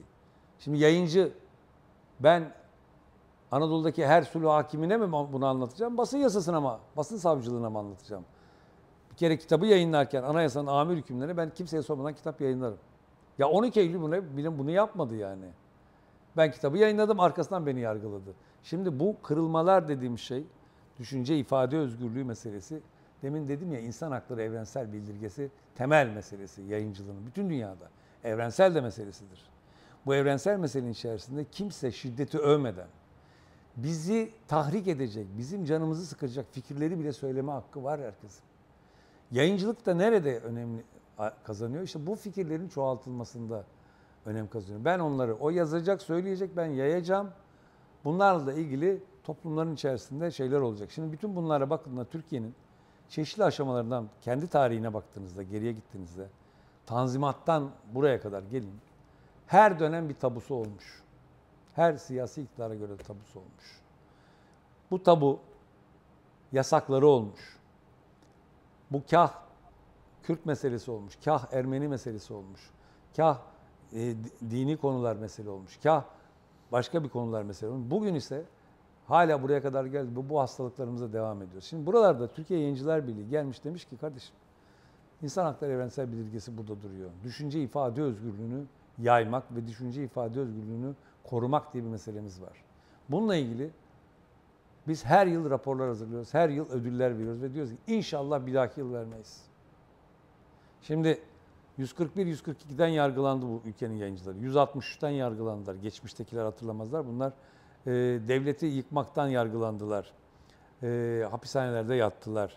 Bu ülkenin yayıncıları Erdal Öz'ün öncülüğünde Yaşar Kemaller şunlar yani 80 tane yayıncı ortaklaşa suç işliyoruz diye kitap yaptılar. O da yetmedi. Bugünlere kadar geldi ve hep bu tabular konusunda bir sürü yayıncı arkadaşımız yargılandı. Ee, yazar arkadaşlarımız yargılandı. Bugün hala bu devam ediyor. Bunlarla ilgili biz her yıl raporlar yayınlıyoruz. Bıktık artık bunları izlemekten. Ki hangi iktidar gelirse gelsin o iktidara göre de bir öteki var. O öteki orada duruyor. O öteki yayıncılık dünyasının en büyük tehdidi. Bu öteki meselesine baktığımız konu, şey içerisinde e, yayıncılık dünyasının da bu kadar gelişmiş olmasına rağmen hala bunlarla uğraşıyor olması demin anlattım. Bilmem Anadolu'nun bilmem neresindeki sulh hukuk hakimi e, bir başka bir şeyden dolayı içinde Kürt geçen her kitabı e, yasakla, yasaklamasını anlamıyoruz. Bestseller kitaplar yasaklandı. Hadi onu bıraktım. Bugün yeni bir vaka var. Aile, Çalışma ve Sosyal Güvenlik Bakanlığı muzur kurulu kurdu. Muzur kurulu daha önceden var zaten. Ama bu muzur kurulu yetişkinler için yazılan kitapları bile çocuklara zararlıdır diye yasaklıyor. Listeler yayınlıyor. Dünyada milyonlarca satmış kitaplara çocuklara zararlıdır diye ilan ediyor. Ya sizin işiniz değil ki bu. İsteyen anne baba almaz, çocuk almaz, okumaz. Zaten bütün bunlarla ilgili şey değil. Şimdi bu tabular siyasi erke göre de değişiyor. Siyasi erkin dönemine göre de değişiyor. Şimdi şöyle söyleyeyim size. Adalet ve Kalkınma Partisi'nin ilk başlarında Türklüğe 301. madde diye bir şey var. Türklüğe hakaret. Böyle bir madde var. Daha önceden çıkmış. Adalet ve Kalkınma Partisi zamanında çıkmamış. Ben yargılandım mesela. Bir kitap yayınladık. Bir roman. Türklerin ağzı kokuyormuş dedikleri Türkleri aşağılıyorlarmış diye dava edildim. Savcı iddianame düzenledi. Ama bu şikayeti sonradan öğreniyoruz. Hatırlı birisi tarafından şikayet ediliyor. Savcı dava ediyor. Ben yargılanıyorum. Yazarı burada olmadığı için, çevirmeni burada olmadığı için. Buna benzer Türklüğe hakaretten yargılanmış insanlar oldu. Kürt meselesini yazdığı için yargılananlar oldu. Ermeni meselesini yazdığı için yargılananlar oldu. Dinle ilgili bir takım şeylerden dolayı yargılanmış olan yazarlar da var. Kitaplar yasaklandı. Şimdi bu yasaklarla bir yere gidemiyorsunuz. Sonuç olarak hayat başka bir şey. Nazım'ın şiirleri bütün dünyada evrensel olmuş. Biz yayıncılık kurultayı yapıyoruz iki yılda bir. Bu yıl pandemide başka yazarları da davet ettik. Alberto Manguel, Arjantinli bir yazar. Bir video gönderdi. Videonun sonunda ben o anlatırken ağlamaya başladım. Diyor ki benim gençliğimde beni en çok etkileyen bir Türk şairi hatırlıyorum diyor. Adı diyor Nazım Hikmet. Ve onun diyor şu şiirini size okumak istiyorum diyor. Sana hapishaneye düşersen dokumacılığı, ayna dökmeyi öneriyorum ama diyor yeter ki kararmasın sol memenin altındaki cevahir diye şiiri okuduğunda Siz Nazım Hikmet'i yasaklasanız mı olacak, yasaklamasanız mı olacak? Ha? Necip Fazıl'la Nazım'ın dostluğunu bugün anlattığımızda yeni kuşaklar şaşırıyorlar. Siyasetçiler de şaşırıyor. Nasıl yani? İkisinin birbirinin ceplerinde birbirlerinin evlerinin anahtarlarının olduğunu gördüklerinde şaşırıyorlar. Tuhaf değil mi sizce? Tuhafına gidiyor insanların. Ama buradaki mesele şu. Ben ilkeler ve kriterler üzerinden konuşuyorum. Yayıncılıkta şiddeti övmüyorsanız herkes fikirlerini söyleyebilir. Yayıncılıkta bunları çoğaltma ve yayma yeridir. Onun için bu tabular meselesi dönemlere göre baktığımızda değişmemiştir. Ee, devletin ve hükümetlerin bakış açısına göre olmaması lazım. Evrensel e, kurallar içerisinde olması lazım. Yargılamaların da mesela bugün de diyoruz ki tutuksuz yargılansınlar varsa bir şey. Bu ülkede 9 ay boyunca yatıp hakkında iddianame düzenlemeyip e, çıkartılan e, yayın yönetmenleri var. Düşünce ifade özgürlüğü ödülleri veriyoruz. O düşünce ifade özgürlüğü ödüllerinden iki tanesini Uluslararası Yayıncılar Birliği ödül verdi. Bütün dünyada tanındılar insanlar. Niye? Burada bilmem ne kitabını yayınlamışsın diye. Bilmem ne dediğim hani adını e, şimdi hatırlamadım söylüyorum. Bir kitap yayınlıyorsunuz ve bundan dolayı yargılanıyorsunuz. Hapse giriyorsunuz. E, hapse girmiş bir sürü yayıncı var bu ülkede. Biz biliyoruz. Şimdi bu tarihi unutacak mıyız? Bugün hani o anlamda bakıldığında kendisini nerede tanımlarsa tanımlasın siyasi olarak bütün yayıncı arkadaşlarımızın ortak kaderidir. Ama burada bir ortaklaştırma olmadığını görüyorum ben. Mesela kendisini muhafazakar olarak tanımlayan arkadaşlarımız bizim bu düşünce ifade özgürlüğü ödüllerimize itibar etmediklerini görüyorum ben. Halbuki bizim orada baktığımız nokta sağda mı solda mı diye, diye, diye bakmıyoruz. Kim yargılanmış? Tabii muhalif olan yargılanıyor. Elbette yani ben muhalif, ille de o muhalif olanla aynı düşüncede olmayabilirim. Ama ben onun o sözünü söyleme hakkını savunuyorum. Burada mesela muhafazakar arkadaşlar bazen muhafazakar demokratız diyorlar. İyi de baba muhafazakar demokratsın ama nerede gördüm demokratlığını senin? Yani burada bak yargılanmış bir tane adamın yanında yer almadın. Bir tane bildiriye imza atmadın. Bir tane düşünce ifade özgürlüğü ödül törenine gelmedin. Nasıl yapacağız? Nasıl beraber yaşayacağız? Nasıl birlikte şey yapacağız? Burada da hani bunları da aşacağını düşünüyorum ben yayıncılığın. Yavaş yavaş bunların da kırıldığını görüyorum ben. Mahcup mahcup arkadaşlarımız bana şunu söyleyen arkadaşlarımızdan biliyorum. Ya abi seninle aynı görüşteyim ama ben bunları söyleyemem şimdi. Korkuları var, kaygıları var. Aynı daha önce bir başkasının korkusunun ve kaygısının olduğu gibi. Onun için hani ülke biraz daha böyle kendisini ifade eder hale gelmesi lazım. Korkusuzca ve e, gelecekteki umudunu da koruyarak bu ifade edeceğiz. Biz yayıncılar daha cesuruz. Birçok şeye göre daha cesuruz. O anlamda da hani bugün ne getirmek istemiyorum ama bütün Türkiye siyasi tarihi içinde de her dönemde bu türlü şeyler yaşanmış. Yazdığından dolayı adam kaç yıl hapis yatmış. Memleketten gitmiş. Öldürülmüş. E bütün bunların yaşanmaması lazım artık. Yani bu ülkede e, hani yasaklanan şeylere baktığımızda Said Nursi'nin de yasaklanması problemlidir. Minyeli Abdullah da problemlidir. Nazım da problemlidir. Sabahattin Ali de problemlidir. Derdini anlatmaya çalışan bir Kürdün, bir Ermeninin ya biz bazen kitap yaparken şöyle şeylerle karşılaşıyoruz. Bu cümleyi acaba nasıl söylesek? Düşünsenize 70'lere gelene kadar bir sürü insan bu cümleyi nasıl söylemeliyiz ki derdimizi de anlatalım diye hukukçulara danışarak şey yapmışlar. Bugün artık hukukçuya da danışmanın da anlamı da kalmadı artık. Yani bu cümleyi nasıl yazsak acaba deyip hani bazen hukukçuya danışıyoruz. Hukukçu diyor ki bayım olan da bu zaten. Hukukçu da diyor ki ya benim vereceğim görüşe sen güvenme. Niye? Çünkü diyor ki benim vereceğim görüşle diyor şey göre de dava açılır ya da açılmayabilir. Ki, ki gördük o görüşe göre de yapsan da davada açılan kitaplar da gördük yani.